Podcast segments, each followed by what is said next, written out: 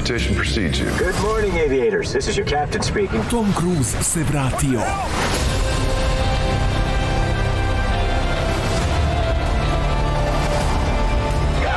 Top Gun Maverick u bioskopima od 25. maja.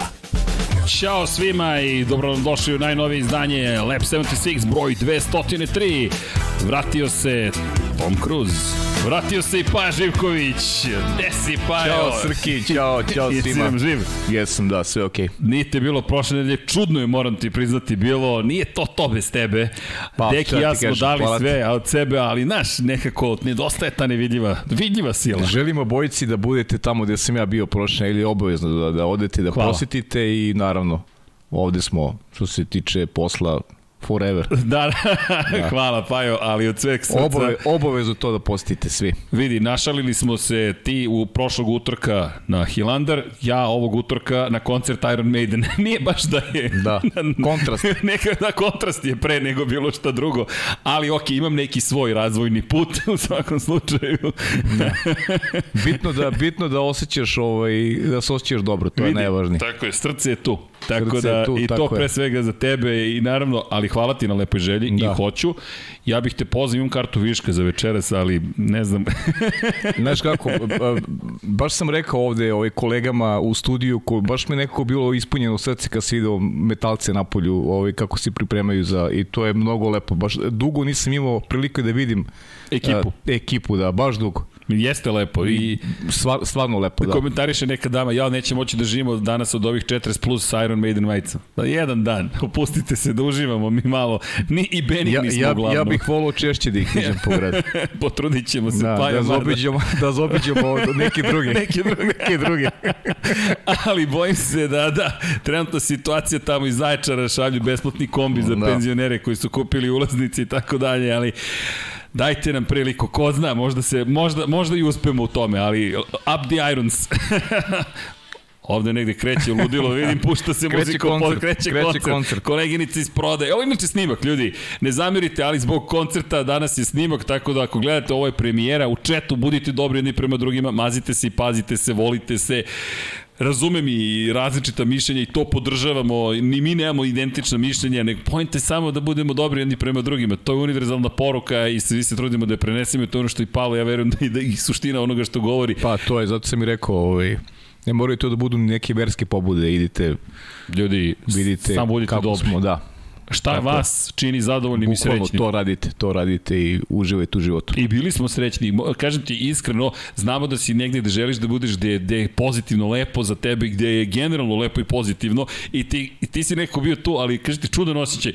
Deki i kao Deki, a Deki da, Da, da. da. koji ne može da pobegne od nas, snima specijal o Top Gunu, MotoGP, Formula 1, ne Kako znam da više. pobegne Dekije, bez Dekija, to nije to. Ne, da, po, počeo je Deki uh, kao gost i onda je to se pretvorilo u trajnu posetu, To tako to. da Deki je tu. E, ljudi, znate šta je još tu? Ja moram s ponosom da kažem da je još nešto tu i molim vas sad jedan veliki mega like. Da, o, ovo je za svi Ferrarci, Ferrarijevci da mi oprosti za sunčanje, u, po sunčano popodne u, u, u Barceloni za Charles Leclerc-a. Evo, mašu mi ovde neki, nećemo ti nikada oprostiti. 30 sekundi kasnije, tu! Rekao, to je wall of shame, komentatorska takozvana kletva, Pa da, ali mislim, nema to veze Ja ne znam da li neko veruje u to zaista, mislim. Ej, to je- dobio sam, pa evo, evo, dobio sam poruke, A s- da, da, to si ti prouzrokovao, ne Pa- spomenji Peka Banjaju i Ferrari više. Da, to je...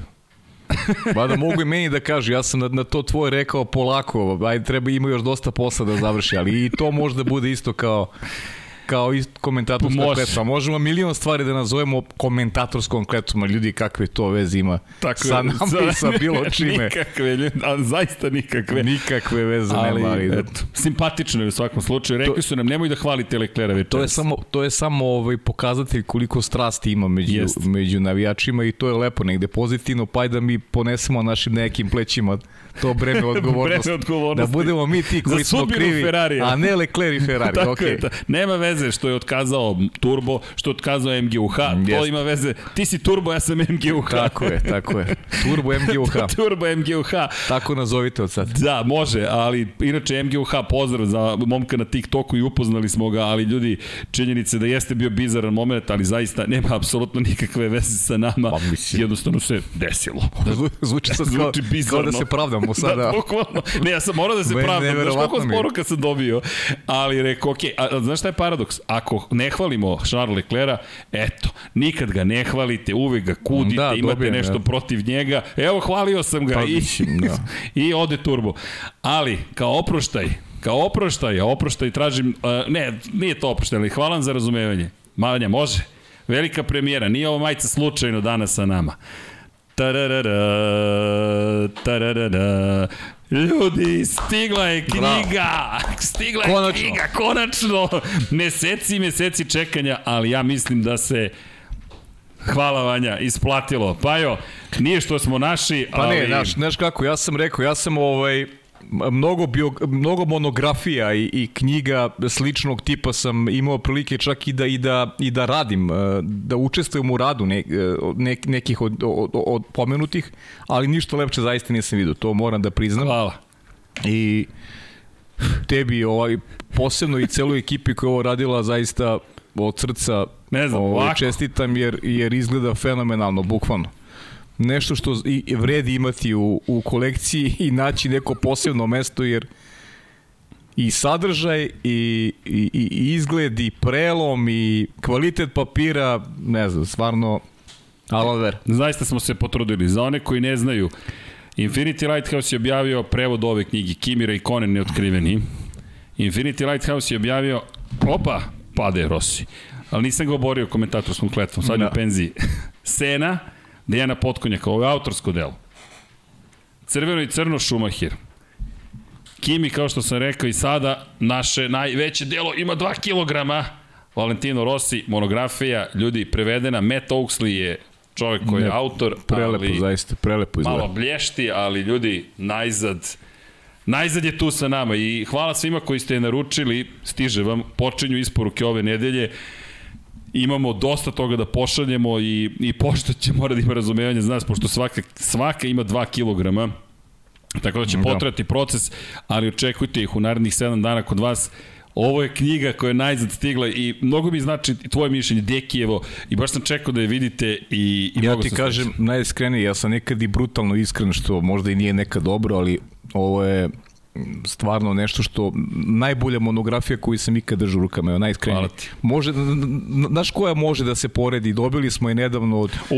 od Vaterpolo kluba Jug iz Dubrovnika, eto, bukvalno dve imamo sad u studiju. on- on ima Je- pet jedno, kilograma. jedno, jedno naše, da, a o- ovo delo koje smo, koje smo dobili ovaj kao poklon, eto, to je Hvala im. baš, baš može da se napravi neko, neko poređenje. Najiskrenije nisam video, nisam video ništa bolje. Pre, Najiskrenije. presrećni blago rečeno i nekako poseban je dan. Naravno, krenut ćemo sada da pričamo o Formuli 1, ali hteli smo da podelimo s vama najiskrenije emocije, pa i sve ovo što se događalo. Tvoje putovanje, koncert večeras, nekako to su sve neki lepi trenuci za nas. Stigla je knjiga Valentina Rosija, biće još knjiga, kupili smo još neka nova prava, no da se Ne zalećem bar večeras. Evo, bar večeras da se ne zalećem, da. gleda me koleginica iz prodaje i odmahuje glavom. Dovoljno je što sam, jel te, izgovorio sunčano popodne, već tu sam izvukao nezahvalnost, preznojih se od straha, ali dobro. Činjenica je da je iza nas trka koja je samo uvod za još jednu trku i ono što smo rekli, pa evo, Španija nam je dala mnogo toga, ne kažem da nam je dala odgovore, mm -hmm. naslov nam je Max loš, a pobedio, Da. Ferrari kriza ili kraj i Mercedes se vratio. I to su tri najveće priče, ima tu još priča, ali budimo realni, Max Verstappen je pobedom preuzeo vođstvo u šampionatu sveta, Charles Leclerc je imao prvo otkazivanje bolida ove sezone, međutim činjenica je da je preko 40 bodova nadoknadio u tri trke Max Verstappen. I onako šampionski se vratio kao u godinama u kojima je Lewis Hamilton ili davno Michael Schumacher nekako se znalo da će se vratiti u igru, takav utisak imam i ovoga puta, izleteo je sa staze, ostao ipak nekako u igri, vratio se na pistu i na kraju došao do pobede, a njegov glavni rival odustao. Da, i, i ja sam rekao, hoću, znači krećemo od Maksa. Kao, ja, O- od, od pobednika, želiš da od krenemo. pobednika. Ajde, možemo od pobednika, krenemo jer to sam rekao i u prenosu. A, najlošija trka Maksova od početka 2021. godine. O, o, on je šampionski. Bilo je tu nekih momenta kritičnih incidenata sa Lewisom Hamiltonom i tako dalje, ali ovo je u globalu njegova najlošija trka. Napravio je dve velike greške u trci, nešto što mu nije svojstveno uh, i na kraju pobedio. Iskoristio je peh Charles Leclerca, nije, nije mogao jedan dobar deo trke, ok, imao je peh DRS, nije mu se otvarao DRS u onoj borbi sa Georgeom Russellom, kasnije ćemo pričati o Russellu i Mercedesu, ali u globalu ne možemo da pričamo o superlativima onako kako smo navikli vezano za. V- Više, na, meni su više ostaje uti- utisak te greške koji nisu tipične za njega, ali opet dolazimo do epiloga e, šampioni kada odrade loš posao, kada ne voze kako treba, a na kraju pobede. I opet imamo i taj moment. Perez i, i Max i ono zahvaljivanje u, u, onako ka, poput Luisa Hamiltona hvala timskom kolegi i hvala što me pustio bukvalno, mu je, bukvalno je Čeko Perez servirao pobedu e, Maxu Verstappenu Čeko je po svemu što je pokazao u trci trebao, trebao isto da dobije Znači Čeko je trebao bude pobednik te trke bez ikakvih problema. Dakle, da nema podele vozača 1 i 2, Čeko bi ovu trku pobedio. Znači, e, Red Bull je omogućio Maxu da dođe do pobede, očekivano, i to je nešto što smo prognozirali i predvideli još kada je Čeko došao u ekipu. Tako je. I ja razumem onu njegovu reakciju, Da je rekao, pričat ćemo o ovome. pričat ćemo o ovome, ljudska je potpuno, ali opet s druge strane i mislim da ako imao neku dilemu oko toga kakve su njega pozicije unutar ekipe, da su sada one apsolutno onako uh, Pa, su. definisane i da uh, će pobediti možda u momentu kada Max već bude obezbedio šampionsku titulu ukoliko se to desi. Ili ukoliko ne može Max I da pobedi. ukoliko Max i ne može to. da pobedi Georgea Russella na stazi ili nekog drugog, pa Red Bull hoće da naravno želi pobedu, tako da tako će pobediti Čeko Perez, suprotno Samo ne da, može. da se nadovežem ono što si rekao, nema pol pozicije, evo pogleda na Verstappenove rezultate tokom ove trke, najbolji lični krug je u stvari u 46. krugu, tri stajanja, to je ono što je bitno napomenuti, pričat ćemo o stajanjima, imao je jedno stajanje više nego što je bilo planirano, svi su morali na kraju da idu na tri Da. stajanja, pričat ćemo o Pirellijevim gumama, ali ako pogledate ovo, ako Vanja možeš da vratiš, molim te, ima jedan bitan moment i to nije pit stop, dakle pričamo o sporim krugovima, na primjer krug broj 10, žute zastave jesu bili istaknuti, ali on je taj na 9, oprostite, koji je imao grešku, pri čemu potom zaglavljen iza Rasela i ide na zamenu gumu u 29. krugu, ali, ali, ono što mislim da je mnogo važnije, niti je imao pol poziciju, niti je imao najbrži krug. Napravio je dve greške. Jedna ga je izbacila sa staze, kažu udar vetra. Hej, sve je okej, okay, ali drugi su nailazili na taj Da, udar da, vetra, naravno. pa nisu sišli sa staze osim njega i Carlosa Sainca u Ferrari, o kome ćemo tek da pričamo. On mislim da je deo krize u Ferrari. E, bravo, bravo. Mislim, I- to kriza mislim da važi samo za Carlos Sainz. Bukvalno za Sainca i ono što je tu najveće pitanje, ok, izdržljivost, pričat ćemo o tome, znali smo da tokom ove godine moraju da popuste, ali pre nego što uđemo u detaljnu analizu, samo da konstatujemo što se tiče Verstappena, lepo si rekao, najlošija trka, Deki koji nije mogao da bude sa nama večeras, ali je napomenuo, ej Srki, ne zaboravi još jednu stvar, svaka trka koju je završio, završio na prvom mestu. Da, da, pa da, pa dobro, mislim, to je... Šest trka, četiri završene, Tako je, četiri, četiri, četiri. četiri pobjede. A mislim, on, on, je, on je dečko šampion. Mislim, to, to je sad već, on je u kategoriji šampiona i, i više ne pričamo njemu kao nekom talentu i, i vozaču koji Ne. će da bude šampion. Mi sad govorimo o jednom formiranom čoveku, vozaču koji će možda i pobarati svoje rekorde koje danas ima Lewis Hamilton. O, on ima perspektivu da jednog dana možda bude i rekorder uh, u istoriji e, Formule 1. Pazi. Od njega zavisi od nekog tajminga, od, od toga gde će voziti, e, ka- kako će birati sebi karijeru, da li će Red Bull, Red Bull biti dovoljno dobar da mu omogući u neki narednih 5, 6, 7 godina da, da se bori za šampionsku titulu. Dakle, ima mnogo faktora koji utiču. Ali Max Verstappen, Max Verstappen je, je jedan od najboljih vozača današnjice. I to nema, nema dileme. Predvodnik o, o, ove nove generacije momaka koji će se sutra boriti u stilu Hamiltona, Alonsa, Fetela i ovih velikana koji su nas zadužili u prethodnih 20 godina. Sad je pitanje ko će mu se pridružiti, ali to je pitanje na duge staze. Tako ono što je trenutno činjenica, ovo je svetski šampion i ovo je vožnje bilo svetskog šampiona i šampionske ekipe. I još jedna stvar, apropo Pereza, da Perez nije prepustio poziciju broj 1. U ovom momentu u šampionatu sveta na prvom mestu bi bio Charles Leclerc. Tako je. Leclerc ima 104 boda, Verstappen sada ima 110 poena. Da ga nije propustio Perez, bi imao bi 103 boda. Tako je. E sad, još jedna stvar, ovo mi takođe pozdrav Dekija Potkonjaka, nismo ti ja pričali o tome, ali verujem da su slične razmišljanja. Da dodamo 7 poena na ukupno 85 bodova čeka Pereza. To su 92 poena. Sergio Perez je na samo 12 bodova od Leclera i samo 11 bodova od Maxa Verstappena. Pa evo, od, koliko god da su sličnosti postoje sa Valterijem Bottasom, ali Bottas u tim godinama kada se, na primjer, Sebastian Vettel u Ferrariju borio protiv Luisa Hamiltona, nije igrao takvu ulogu koliko ja mogu da se setim. Ajde provjerit ću još jednom, ali Sergio jasno je da nije izbor Red Bulla. I što kaže Deki, vidi, Srki, njegovi navijači biće njegovi navijači. Red Bull, kada govorimo o tome šta donosi Perez, neće biti globalna zvezda. Jedini put, to je Deki rekao da je mogao da bude globalna zvezda bi bio da je otišao u Ferrari.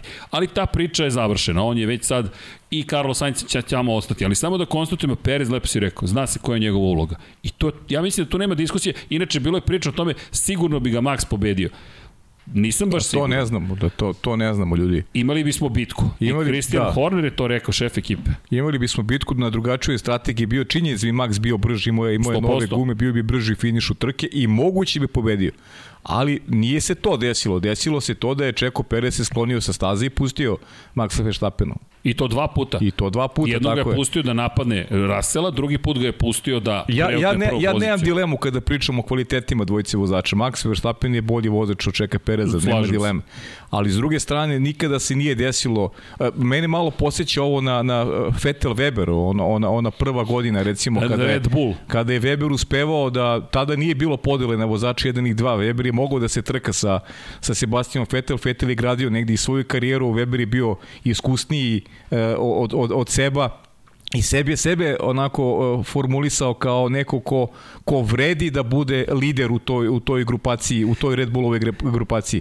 E sada je Max ode, je šampion, Čeko nije imao ujednačenu sezonu u 2021. Nije. Da budemo iskreni, nije bio... O, Ovako nije vozio. Da, nije bio od, od najveće moguće pomoći, pomoći Maxu Verstappenu.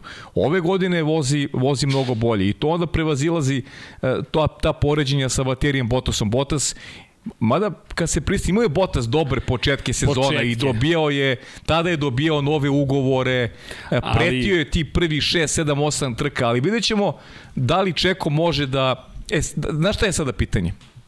Sada je pitanje Čekov odnos prema celoj priči jer, jer dobio je packu realno. Dobio je, dobio je packu u situaciji kada je očekivao da možda pobedi. Ta pobeda mu je negde u njegovom tumačenju u stvari oduzeta i sada on i dalje treba, treba da se fokusira opet na to da bude podrška Maxu Verstappenu. I sad tu razgovori verovatno su već obavljeni. Kakav je epilog i kako će se Čeko ponašati u bliskoj budućnosti, to je sada već stvar Red Bulla i, i, i tih nekih međuljudskih odnosa koji u ovakvim situacijama znaju da budu ovaj malo poremećeni, da da bu postanu i problematični jer Perez- kada se kada se Max zahvaljivao timskom kolegi, da li se sećaš? Nikada. Nikada. Nikada. Ovo je prvi kolega o kojem tako priča. Prvi put da, da je onako, rekao je prošle godine u onoj završnoj trci šta je Čeko uradio, sećaš se kad je uspeo da Tako se je. približi Luisu Hamiltonu. Čeko mu je doneo ali, ali eksplicitno da se ovako zahvaljuje timskom kolegi, ovo se nikada nije dogodilo. ali ja mislim da je on svestan da je Čeko postao nezamenjiva karika u tom kontekstu. Probali su s Pierom Gaslijem, nije uspelo. Probali su s Aleksom Albonom, nije uspelo. Nije hteo da pruži podršku Daniel Ricardo. Daniel Ricardo hteo da bude sam šampion i ti sada po iz četvrtog pokušaja čimo si i, i Kvijata kao neko ko nije vozio sa Da. Verstappenom, ali ko je pokušao Dani Kvijat da bude vozač broj 2 pa nije išlo. E, Krucijalno pitanje za nastavak sezone, šta dati Čeku da on bude zadovoljan? Ne znam. E, to je sad krucijalno pitanje. Šta mu dati da bude Pobedu u zadovoljan? Monaku. Pa da, ali, znaš, Vidi, ša, ne šalim se i šalim se. Šta želiš da mu daš? Pobeda sad ne može da mu se da nikako. Pitanje je da li mogu uopšte to da izdejstvuju. Ali činjenica je da negde moraju nešto, a to sad iza zatvorenih vrata. a pričamo šta je bilo kada je bilo, ali ajmo da postavim stvari ovako, šta da Max nije pogrešio? Da Max nije pogrešio, Ne, ne bismo ni pričali ne bismo ni pričali o ovome. Znaš, ne bismo ni pričali. Ne bismo pričali o ovome. Ne. Jer ne. realno Max je pogrešio i tako su Russell i, i, i Čeko prošli pored njega i Gde e, propušta? dobili, dobili pozicije. Izvini, gde propušta prilike? To je Dekijevo mišljenje. Prenosim namjerno jer Deki danas smo, snimali smo Top Gun Maverick podcast i onda pričamo o Formula 1. Kažem, pa dobro, se vidimo večeras. Kaže, Srki, ne mogu sve da stignem. Ja kažem, dobro, daj mišljenje da prenesemo. Kaže, No. Srki, a kvalifikacije? Sergio tu najviše greši. On je tu loši jest. mnogo. Pa tu, tu on gubi, da. Da, je na to pol je polazna, poziciji, da je polazna drugi. osnova, polazna osnova mu nije dobra, ali ali bojim se, mislim da će tako da bude, Tak, to će, to će biti je, To je trend. pravi znaš. odnos snaga. Jer, jer sad imamo priču zbog te čekove reakcije pre svega i, je. i, i, i Maxovih grešaka. Jeste. Jer Max, Ma- Max redko greši. Max redko greši. Ovo je prvi a sad, put. A sad kaži mi ti, a ja recimo da vodim Red Bull, pa ja bi se isto ponovo kao i on. I Pa- ja bi pustio, ja bi Naravno. tražio čeka da pusti Max. Nema nikakve dileme, nije to pitanje pravde, nepravde. Ej, boriš se protiv Charles Leclerca koji izgleda besprekorno. Jeste, Ferrari se pokvario, ali ej, to će se dešavati. Pa znali smo da će sezona. da se pokvari jednom, pa svi će se kvariti. Kvarit će se do kraja Pa Red. Bull se dva puta pokvario pa, Verstappenu Pa pokvarit će se ponovo. I, I Mercedes će se Tako je, pokvariti u nekom će se ponovo. Znaš gde je kraj? Ovo je, ovo je tek šesta. Šesta od 22. Da. To smo rekli, potvrđeni su 22. Rusija sigurno neće biti zamenjena ni jednom drugom trkom, ali 16 trka još ima do kraja. Nama stiže već sada Monako, tek ćemo pričamo o Monaku, ali činjenica je da, ok, intrigantno je sad u Red Bullu i Christian Horner je rekao, Perez da ne reaguje onako u žaru borbe, ne radi svoj posao. I to je činjenica. Naravno, to je politički pritisak. Čekova pozicija nije loša, ali nije toliko dobra da on dođe i kaže ja sam ovde bara bara, bara sa Verstappenom. Pa da. Čeko, Čeko ima ugovor do kraja godine i ja verujem da, da Red Bull želi da ga zadrži. Ali opet s druge strane pitanje je sad da li ima negde prostora da neka druga ekipa reaguje i kaže mi hoćemo ovakvog čeka. A Ja ne vidim da postoje. Gde bi. Perez otišao onda? Ne, Šta, ne, u ne Ferrari? Vidimo, pa ne, ne, može. Pa teško Ferrari. Mercedes ne može. Ferrari jedino da raskine ugovor sa Saincem i da kaže evo isplatit ćemo te, ali ti nam ne trebaš. Ili Leclerom. Ili Leclerom. Ili Leclerom, da. traže sada, šale se navijači mi Ferrarija, dajte nam Daniela Ricarda umesto Carlos Sainca. Neće se, de, o, nije u Fioci, nije se desilo, nego neće se desiti. Ma Odmah da, to da. možemo da nam spakujemo ovako i kažemo neće se sigurno desiti. Pričat ćemo o tome, ali apropo Pereza, samo još jedna konstatacija. Nema bolje ekipe od Red Bulla za njega. Ovde može da ostvaruje odlične rezultate, da bude popularan, da učestvuje u jednom šampionskom timu i povremeno da pobeđuje. Za razliku od Valterija Bottasa, mnogi kažu što ste što ni što hoćete sada kritikovati Serhija Pereza. Svakako hoćemo iz te perspektive. Vozač je broj 2, ali postoje dve razlike bitne. Jedna kada smo kritikovali Valterija Bottasa, Valtteri je došao kao neko koji je šampion i od koga smo očekivali mlad vozač da se nosi sa Lewisom Hamiltonom. Perez dolazi kao veteran koji je jedva spasao svoju A on je karijeru. već bio na izlaznim vratima iz Formule 1, da. Nije imao ugovor, I, on je i, zna. I znali smo šta će biti uloga Čeka Pereza, ne nas dvojice, znali smo, Sva- da, znali svi ste svi koji prate je. Formulu 1, Šta će šta biti? se očekuje Čeka Pereza. I nek se i on vrati dve godine nazad. Gde si bio? U tom momentu niko nije hteo Serhija Pereza. Sad, naravno, uživao je karijeru. I druga stvar, Lewis Hamilton nije imao drugog rivala u Mercedesu, osim Valterija Bottasa. Navijali smo da Bottas nešto uradi da bi bilo uopšte zanimljivo, jer je Hamilton mleo konkurenciju po defaultu kada je reč o razlici i u njegovom kvalitetu i u bolidu i imao je samo Bottasa. To se nije desilo. Sada, Red Bull ima i Ferrari, ima i Mercedes, što ne znači da nam se dopadaju timska naređenja. Da, mislim da, da se razumemo Samo smo i, svesni. i Lewis Hamilton je daleko kvalitetniji vodeč od Valterija Bottasa, ali nismo dobili tu vrstu trkanja Mercedes nam nije dao, a i Bottas imao taj neki inertni stav. Ka- kad on, smo- o- on je za toliko godina baš redko pružao otpor u smislu zašto, I zašto su stvari tako postavljene. još jedna stvar, da li smo spominjali Valterija Bottasa u tom kontekstu kada su se Vettel i Hamilton borili? Ne, nismo se ni bavili Bottasom, jedino kada bi bio 7. 8. 9. Čeko, kada je bio prošle godine 7. 8. 9. kritikovali smo ga. Ali, ajmo mi na Ferrari, Charles Leclerc, pa jo, ja ću ga i dalje hvaliti. Pa ne, mislim... Besprekoran. Ja, ja sam ti rekao šta je za mene utisak eh, vikenda kada je Leclerc u pitanju. To su kvalifikacije. E, to je ono što pričamo stalno, šta razlikuje šampione od onih koji to nisu, jer, jer najteže je doći do te prve šampionske titule. To je jedan ozbiljan proces. I to nije samo u ovom sportu, to je u svakom sportu je tako, u zavisnosti od toga šta pratite, doći do, do prve titule, tu bukvalno onako morate da, da pustite krv da biste, da biste došli do jednog takvog ostvarenja. Leclerc je imao ozbiljnu grešku u Q3 delu kvalifikacija i kako je poništio istu? Tako što je odvezao krug kome niko nije bio ni blizu. Ok, Max je imao problem sa DRS-om, ali priznali su Red Bullu da, da bi teško mogao da, da ostvari takvo vreme kao što imao Charles Leclerc. Uh, zaista jedan perfektan krug, uh, pokazatelj i nekog njegovog, nekoj njegove dobre koncentracije, talenta, možemo da objedinimo šta god hoćeš, koliko god da ga hvali mislim da zaslužuje. I onda početak trke je dobar start, jedna kontrola, ono što si ti rekao ja sam pomislio da budem iskren, ovaj, sunča se Charles Leclerc na stazi u Barceloni, ne bi ga niko ugrozio i dešava se taj peh. Nažalost, Leclercu nije prvi put da se dogodi tako nešto, još onoj prvi sezoni, odmah se sam setio, iskreno ti kažem, Bahrine sam se setio u, u, u sekundi, trku koju je morao da dobiti još na početku maltene svoje karijere u Ferrariju i Uh, potrošio je da kaže neki maler. Potrošio je neki maler, dogodio se sada, možda bolje sada nego u nekoj kasnijoj fazi sezone, ali isto tako Ferrari je sada pod pojačanim pritiskom uh, Leclerc ide na domaći teren, znamo šta je bilo prošle godine, ali sada mora da odgovori na jedan pravi maksimalan način, mora da prekine ovaj niz Maxa Feštapena i da pokaže da su te šampionske ambicije s pravom stavljene iza njegovog imena i prezimena. Dakle, imao je situaciju da povedom u Barceloni dođe mirnije u svoj rodni grad, ovako pritisak raste, ali šampioni moraju da se nose sa pritiskom. Ja se vraćam sad na prošlu 2021. godinu kada smo govorili da je Max ne sme dozvoli Luisu da uhvati sada neki zamajac, da mora pobedi u Monaku. Max je to uradio. E, sad je ta vrsta tenzije i pritiska pred Charlesom Leclerom koji u Monaku nema izbor. On mora pobedi Maxa Verstappena pre svega. Ne mora to bude nužno pobeda, ali mora da pobedi Maxa Verstappena u Monaku. U suprotnom, mislim da će pod njegova pozicija i pozicija Ferrarija biti sve teže.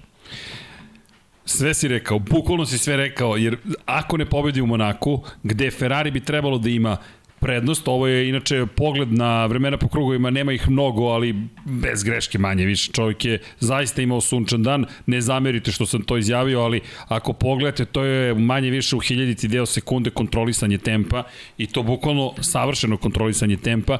Kada govorimo o kada govorimo generalno o Charlesu Leclercu, mislim da, da će, mislim da će pobediti. Par razloga, ovo može da bude deo najave za Monako, sektor 3. Svake godine gledamo sektor 3 Mora u Španiji. Mora da se prvi put slažemo po izboru Opa! vozača za pobednik. Ja mislim će Leclerc pobediti. Da. Ja isto to mislim. Ali u sektoru 3 najbrži su bili Ferrari. Da. A pritom rekao si jednu lepu stvar koju, koju nisi izrekao u prenosu, nego kad smo završili trku smo pričali i ti ja vezano za, za Ferrari.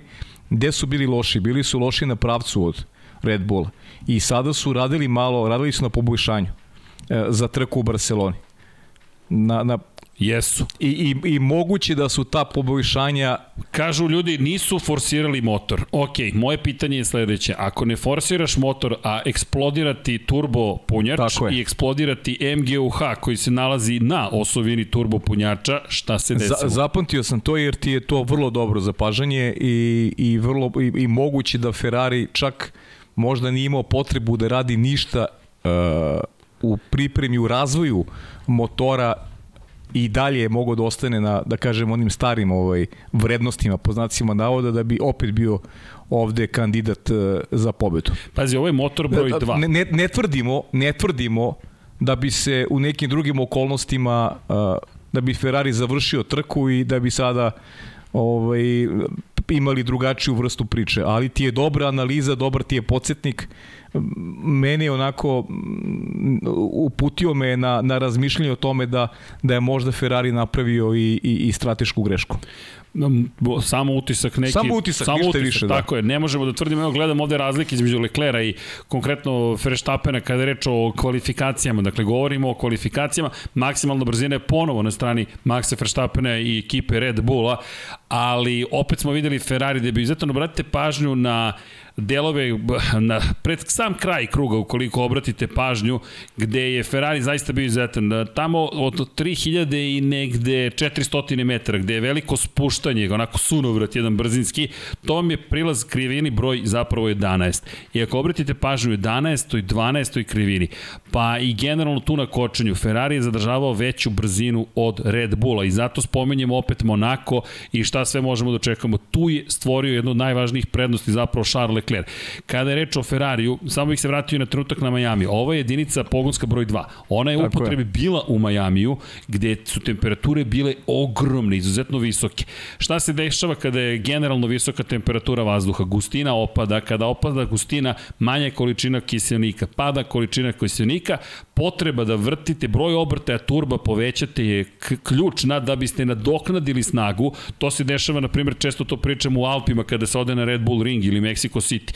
Turbina mora više da se okreće da bi nadoknadila manja kiselnika i dodatnim brojem obrtaja povećala kompresiju i samim tim ubrizgala do istu količinu kiselnika koju očekujete. Iz te perspektive, ovo je samo moj utisak, uz otkazivanje motora na kod Gvanju Joa, Kod Valterija Botasa, Joe je otkazao u trci, Botas je otkazao u treningu broj 2 i činjenicu da su slične probleme imali već na prethodnim mm -hmm. trkama, ali možda je to bila sreća za fabrički tim Ferrarija. Kao da je ova pogonska jedinica broj 2 baš bila osuđena na Just. visokim temperaturama. Eto, to je neki naš utisak, ljudi, ne možemo da tvrdimo. Evo ih brojevi obrtaja. Ma da, ne, ne, mislim, Evo, ne, ne možeš da dokažeš ništa, ovaj, ali, ali može da, pravo je pitanje bilo, da. Evo, baš naprim, pravo. broj obrtaja. Prvi put da Ferrari probija 12.000 posle duže vremena, vidite to negde na sredini staze. Da, dakle, vidimo da je Ferrari više brojeva obrtaja tražio od svog motora nego na drugim mestima. Negde nama to ukazuje na činjenicu da je Ferrari pokušao da parira Red Bullu posle onog, neću reći fijaska, ali velikog poraza u Majamiju, gde sa DRS-om nije mogao da se približi Red Bullu. I moj utisak, naš utisak je mm -hmm. da je tu Ferrari pokušao da nadoknadi. Dobio je brzinu, ali izgubio pouzdanost. I to je ono što se Red Bullu dešavalo. I iz te perspektive ne znamo šta sledi. Ali opet, s druge strane, to zahteva i borba za šampionsku titulu. Tako je. I zahteva ono što Tako je. što radi Max Verstappen, ta vrsta pritiska koju Red Bull pravi na Ferrari da budu bolji iz trke u trku i obrnuto. Tako je. Tako da ćemo imati ovakve situacije, ćemo se nagledati tokom godine. Ej, Red Bull ne bi stradao u prvoj i trećoj trci da nije morao da parira Ferrari. Tako je. Dakle, mi govorimo o bici koja se nastavila iz prethodne godine između Mercedesa i Red Bulla, samo sada Ferrari i Red Bulla i još pride, uključuje se u celu priču Mercedes. Ali, pre nego što skočimo na Mercedes, Carlos Sainz mora da, mora da, da, da, da se postavi pod lupu. Ovo je bila njegova domaća staza. Ovo je trka koju je čekao. Ovo je mesto gde smo pričali. Publike 278.000 ljudi za tri dana. Njegovo prisustvo u Ferrariju i prisustvo Fernanda Alonso u brzoj Alpini su privukli i naravno generalna popularnost Formule 1. I to je ono što je lepo George Russell rekao. Živimo u trenutku kada je fenomenalno za Formule 1. Zašto? Pre COVID-a mi nismo bili ni blizu ovih brojki kada je reč o posetama. Znaš kako, ovaj, da, posle 278.000 ljudi, da, za, za tri dana, to je fantastična poseta, a znaš kako smo ranije godine sređene konstatovali da Lewis Hamilton i, i Max Verstappen jedu timske kolege. E, Charles Leclerc tako jede timsku kolegu Carlosa Sainz i to se vidi iz, iz nedelju u nedelju, jer prošle godine nisu imali bolid koji je, ajde da kažem, upravljiv, bolid koji donosi uh, borbe za visoke domote. Carlos Sainz je tu osjećao konfornije, nije bilo velike razlike, opet Charles Leclerc s druge strane negde bio i svestan da, da, da ono što ima u rukama ne može da mu omogući pot, potencijale koje, koje on može da dosegne. Tako da ove godine vidimo kolika je u stvari razlika u, u, u klasi između dvojice vozača. Da je Leclerc svoje vremeno i bio šampion i dvojke i trojke, da je prosto brži od, od Carlosa Sainca, da je on taj koji je lider i mislim da Špancu to smeta. I, i to se negde reflektuje na, na njegove greške koje su učestale. Ne može da se pomiri sa tim da je da je spori od Leclera nekad i za 3 po 4 desetinke po krugu, nema ni tempo koji može da parira Lecleru, dakle razlika koja onako jasno definiše uh, e, vozača 1 i vozača 2 u svakom timu. E, to, to su Leclerc i Sainz. Međutim, on, on, ono što smatram, što negde vidim, je da se uh, Sainz najmanje, uh, uh, nekako u stvari najteže miri sa tom sudbinom. I on bi konstantno želeo da dokaže da on može da bude brz kao Leclerc i onda dobijamo veliki broj grešaka. Uh, izgubio je ono što ga je krasilo pouzdanost zbog toga što želi da bude podjednako brz kao Leclerc, a jednostavno nema potencijala, nema dara za tako nešto. I to možda bude ozbiljan problem za njegovu karijeru, ukoliko, ukoliko znaš, e, opet sad, koliko je teško srđeni reći samom sebi, da, ja nisam ovaj potencijal za šampiona, ja moram da budem u službi tima i to je nešto sa čim on mora da se pomiri, mora da ima s kim treba i da priča, ima oca koji je neko ko je njegovu karijeru pratio tokom celog života, ima ima ljude koji su koji treba da vam pomognu u trenucima koji nisu laki. Ima ugovor na još godinu dana, dakle zaključu sa 2023. godinom, ali ukoliko se nastavi ovaka prezentacija njegova kojoj Leclerc neće imati nikakvu podršku, u kojoj on neće moći da parira, bojim se da ga nećemo baš dugo gledati u, u, u bojama Ferrari. Pazi, mislim da si rekao fenomenalnu stvar. Prosto ta želja, bukvalno da parira Šaru Leclercu iz njega izvlači ono najgore. Da. To jest potpuno nepouzdanost i mislim da Ferrari je došao već u situaciju da mi uopšte ne moramo da pričamo, lepo si rekao, de deklarativni broj 2 ne mora ni da postoji. Mi imamo broja 2 u Ferrariju, on se sam zapravo postavio tu gde jeste i nadam se da ćemo uskoro doći u situaciju da dobijemo mnogo bolju verziju Sainca, ali Mislim da će napraviti korak u napred, jer već teško da pravi korake unazad, unazad već to bi bila katastrofa, bukvalno već ovo je katastrofa. Druga stvar, mislim da će prihvatiti ono što ti često kažeš, prihvati svoju poziciju. Ako prihvati poziciju ove godine, moj zadatak je da pomognem Charlesu Leclercu i ekipi Ferrarija da osvoje titulu u šampionatu vozača i konstruktora, mi imamo Carlosa Sainca koji se uklapa u onu ulogu od prošle godine.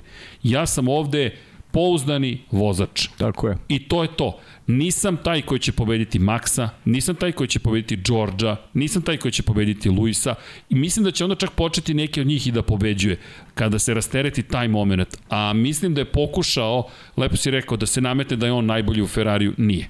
Prosto A da, nije. To, to je nešto što što možda napravi ozbiljnu smetnju u, u, Baš. u karijeri generalno, jer Pa, nekad, nekad je teško pomiriti se sa, sa, sa realnim stanjem, a, pa a on to mora, jer, jer do sada ga je krasila upravo ta pouzdanost i nešto što, on, on je zaista fantastičan vozač broj 2.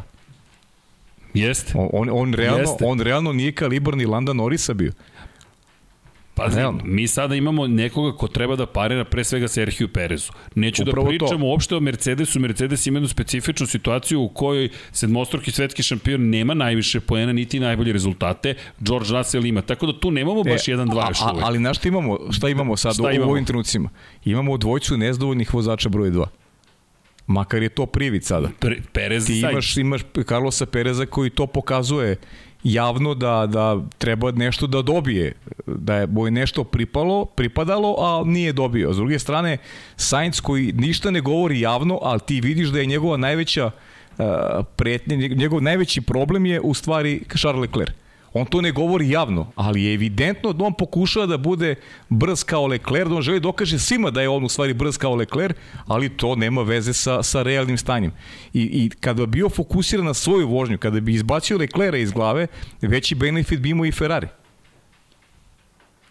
Da, to, e, to, ima, to, to baš ima smisla. To trenutno ne postoji, jer ti sad nemaš Carlosa Sainca zato što on želi dokaže svetu kako on taj koji može se boriti za titulu a on nije ni blizu Charles Leclerc. Nije taj I to je sad problem.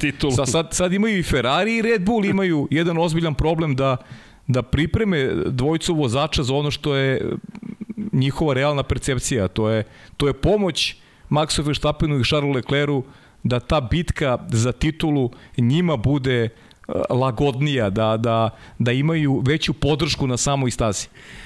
A opet s druge strane Verstappen ima podršku od Pereza, Da, vidi, fascinantno. A, a, Lecler, a Lecleru Sainca nema uopšte. A mi prošle godine Valtteri Bottas kada izgubio ugovor, odjednom su se stvari drastično promenile u Mercedesu. Odjednom Valtteri grešim na startu, ne, ne zatvaram prolaze, nisam raspoložen i tako dalje, tako dalje da. i premiti se bitka. Je, je ti kad pogledaš sređene realno kako ekipe biraju u prethodnoj dekadi, nema više on, o, onog perioda dovedem mala na proste Arto na senu i imam svi se hvataju za glavu, ali, ali uživaju zbog toga što znaš da će njih dvojice da, da odluče o pitanje šampiona. Znaš, Pazi, Mansell prosto izvini da, u Ferrari. Bio se, bio se na stazi i to je to. A ti sad imaš jasnu, ti ti po kvalitetu imaš prirodnu selekciju prvog i drugog vozača. To je prirodna selekcija. Pazi, to je u jednom trenutku počelo se dešava. Sena, Berger, ne znam, Mansell, Patreze, ali od Mihaela Šumahera i te ere imaš vrlo jasna hijerarhija ovo je čovek koji treba da donese titulu, ti si tu taj koji treba da ga podržiš. Bukvalno. Da li si Eddie Irvine, Rubens Barrichello, neko treći, to je nevažno. Tvoj posao je vrlo jasan. I u jednom momentu je čak FIA, Međunarodna automobilska federacija, uvela pravilo da su zabranjena timska pravila, ali smo onda imali čuvene poruke. I znaš da sam objašnjavao Multi 21, objašnjam i da devojci koja ulazi tek u ovaj svet i pita me nešto timske naredbe, ja kažem dobro, Multi 21, ništa, kao, molim, ja kažem Multi 21, to ti je čuvena poruka koju dobio u Maleziji Mark Weber zajedno sa Sebastianom Vettelom. Weber vodi, Vettel je drugi, Multi 21 je poruka skrivena, tada je bilo zabranjeno davati timska naređenja, nema preticanja. Sebastian Vettel je čudna mi čuda pretekao. Sećaš se, prenosili Kako smo tu trku komentarisali ne, da. i samo je pretekao i otišao dalje. I kada su kada mu je rekao Weber čuveno je cool down room, čuvena soba za hlađenje koju mi nemamo, je bila sledeća Seb, Multi 21 Seb, Multi 21 i Seb koji No, ne, Da. ne, no comprendre, no, no parla espanjol, Da. ne znam šta mi pričaš čoveče, čemu, kakav multi 21, zna se ko je broj 1 i tu se namećeš i to je ovo što se upravo desilo. Samo što se nije desilo tako direktno i mislim da bismo možda imali takvu scenu da je Perez odbio, kao što je prošle godine odbio Bo- Bottas jednom momentu da se skloni Hamiltonu, pa je smo došli do toga da je morao da ga pretekne, a to je bilo vrlo redak, vrlo redak otpor. Ili u Zandvortu, nemoj da postavljaš najbrži krug. Ups, slučajno sam postavio da, najbrži to, krug. To bi tek bio naš problem da, da vozač odbije poslušnosti, da ne dozvoli timskom kolegi da, da ga prestigne u, u, u borbi za tako visok ulog, za najveći mogući ulog za šampionsku titulu. To Bukvalno. je, e, to onda pravi potpuni razdor u ekipi. To je, to je onda... Ali, ali ti je super zapažanje. Pa da, ali to, to a priori može se dogodi ako se Može. ovako nastavi, jer, znaš, ti sad, očigledno da se čeka osjeća mnogo bolje nego prošle godine i, i sad negde kapira da Ovaj bolid treba da leži. S druge strane, Sainz nije ni znao kako će se osjeća u varijanti da ima šampionski bolid u rukama. I onda sad dobija spoznaje koje onako utiču na njegovo samopouzdanje, na njegov kvalitet svega, života, pripreme, znaš, to je... Izvini, Ferrarijevi sa navijači, tim, znaš. Ferrarijevi navijači traže da se promeni Carlos Sainz. Čekaj, šesta je trka sezone. Da. Mi imamo situaciju u kojoj od čoveka koga su veličali pred tri meseca smo došli do toga da jedva čekaju da mu vide leđa, a čovjek je produžio ugovor na još dve i kopni po godine. podrška, da, kopni podrška, zato što se povećava ulog. I kako I se onda ti kad se u toj poveća priči? ulog, ti onda, znaš, isporučuješ ono što je tvoje neko realno stanje. Izvini, a ko je dodeljivao trofej za osvajanje pol pozicije? Njegov otac. Njegov otac, da. Njegov otac, kao da nema dovoljno pritiska, nego došao i tata. I, i, I opet imaš, znaš, ko- koliko često prati vozače broj 2 ta sudbina da potpišu novi ugovor i da od tog trenutka nestanu. Često. Imaš i toga i to se dešavalo i sa Bottasom, dešavalo se i sa, evo i sada sa Saincem, dakle, pazi, e, i, i, i ovo je, kao ne hvalimo dovoljno Leclera, pa i ne moramo. Lecler je sam pokazao, eto, mnogi su, mnogi su govorili da je Sainz taj rang e, Charles Leclerca. Ja sam s početka sezone, iskreno ti kažem, pomislio da bi Lecler mogao upravo na račun te pouzdanosti Dobro? da bude čak ispred Leclerca. A na zbog čega? Zato što Lecler još ne znamo u situaciji kad ima ovaka bol, jer on je ekstremno brz vozač. Jasno. To nije sporno. Ali bilo pitanje koliko može u kontinuitetu da vozi na, na tom najvišem nivou. Jer je pravio greške u prošlosti, realno. Ali ovih šest trka Lecler je Pa šta? saberi oduzmi, ti nema šta tu njemu mnogo da zameriš. On je odradio dečko posao fenomenalan. I on, Pa, Mi najmanje on mislim je- imamo da pričamo o A Ne, on, on je pojao timsku kolegu.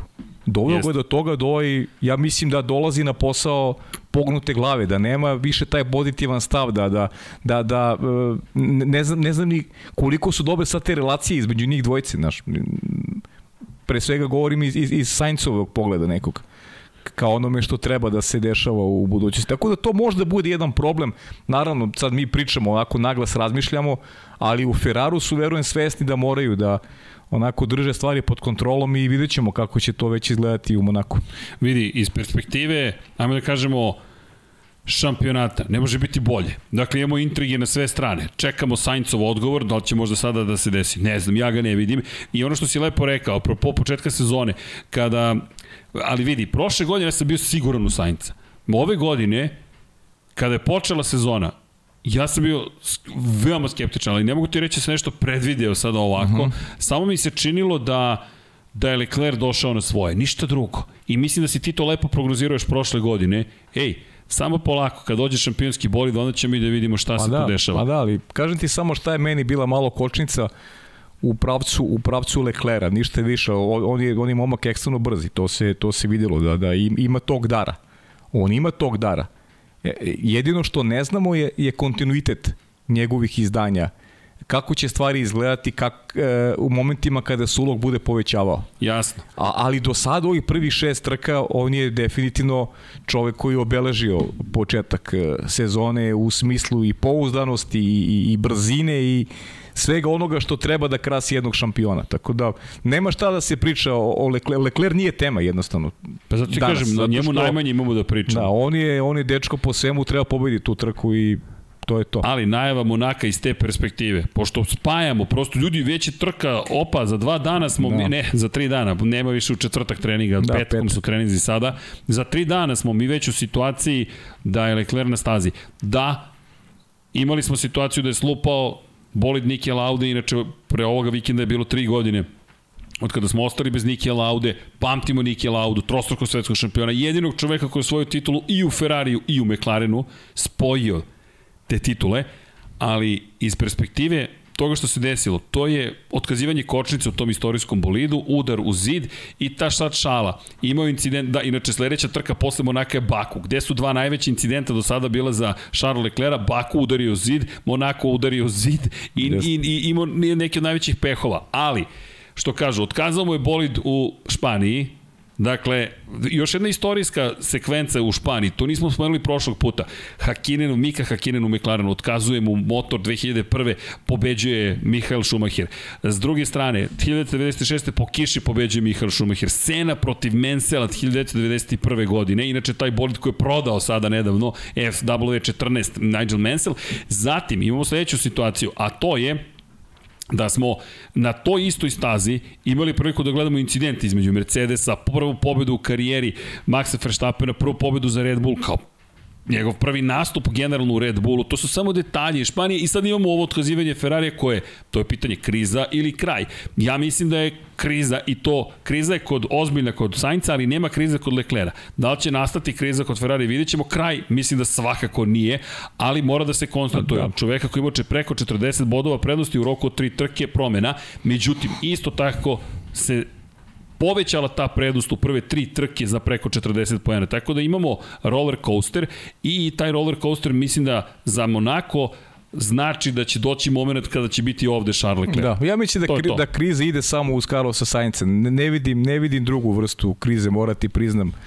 O, mislim, otkazuje agregat i to je to. Mislim, to, to, su, to su stvari koje koje će se dešavati i dešavale su se i ranije godina i ne vidim krizu pogotovo što pogledaš, uh, nije se Leclerc nalazio na trećem mestu kad mu ukazao agregat pa da pričamo o krizi. Ne, Leclerc imao 11 sekundi prednosti u momentu kada uh, otkazuje motor išao je ka, ka jednoj pobedi koja je trebala da bude onako sigurna, upravo u stilu uh, i Luisa Hamiltona ranije godini Maxa Verstappena uh, u pojedinim trkama koje, koje su ga definisali kao šampiona. Tako da ne vidim nikakvu krizu kod Ferrarija, naprotiv, vidim jedan pritisak koji osjećaju s razmerno učinku ostalih ekipa, to smo govorili o tom i u napređenju bolida, u napređenju uh, agregata, radu na, na, na brzini, na, na pravcu i, i sve to dovelo do jednog, do jednog kvara, ali prosto moraju tako da se ponašaju, moraju da prate da prate trendove i da zadrže taj visok nivo kako bi ostali do posljednjeg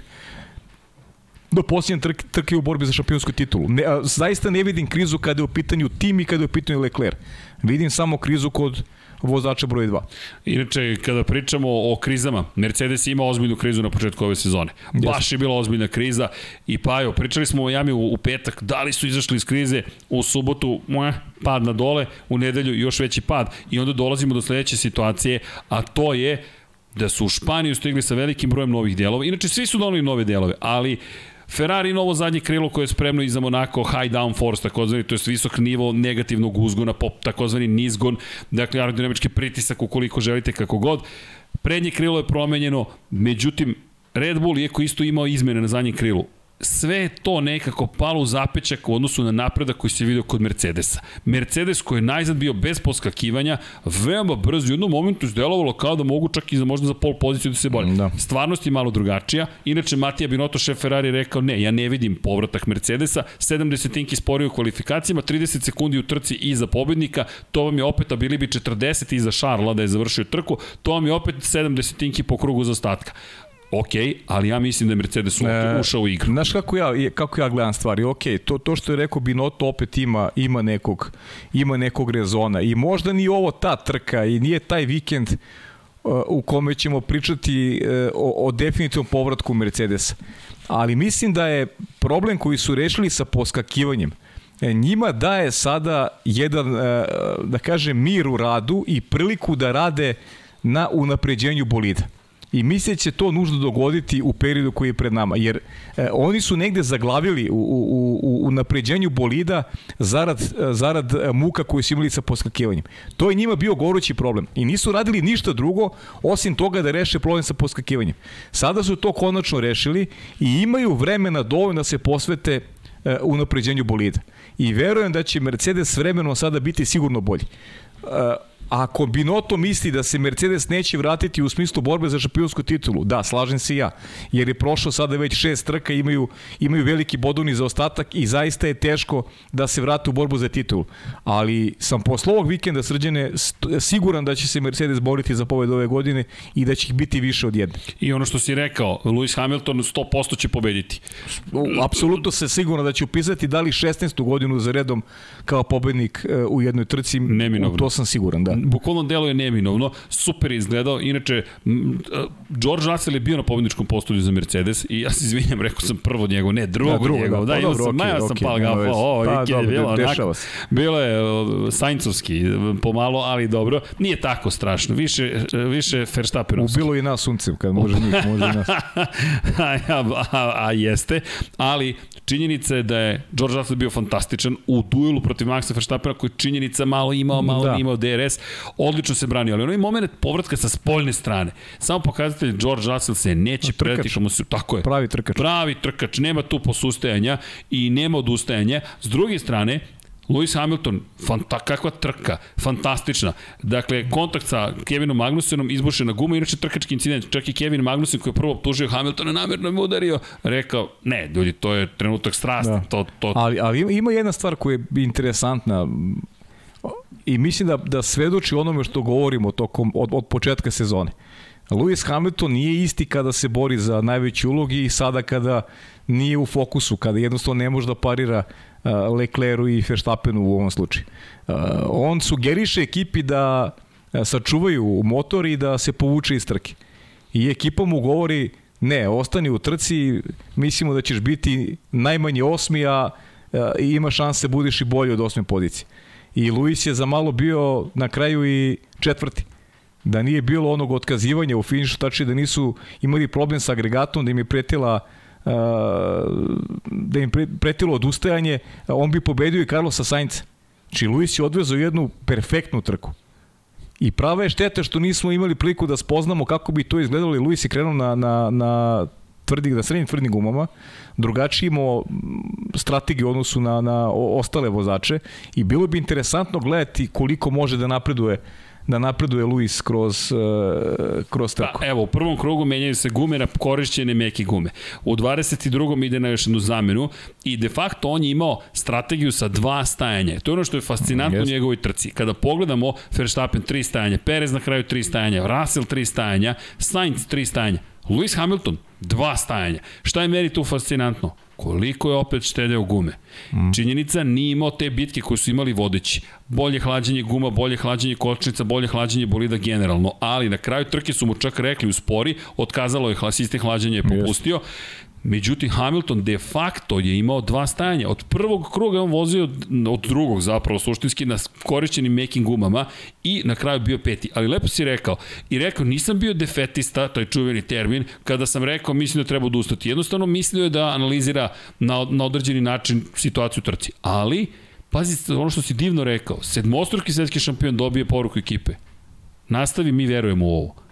Ok, ja, a nije, ej, šta vi ima meni da kažete? Ne, ne, ne, e tu je razlika. Kada sledeći put vidite vozača koji se pognute glave, spuštenih ramena, vrati u garažu i kaže, pa nije bilo smisla da nastavim. Pa jesi trkač Formula 1 još pride E, ili si je, prihvatio odustao? je i, i odradio posao perfektno. Perfektno. Perfektno, to kažem, ja, ja računam kao da je četvrti bio u trci. Bukvalno. Da nije morao na kraju Pa da on popusti. se na kraju popustio, sklonio se. Da bi sačuvao bolid. Da, tako je, bi sačuvao bolid, ali perfektna trka zaista. I, I neko me pitao zašto misliš da nije vožnje dana?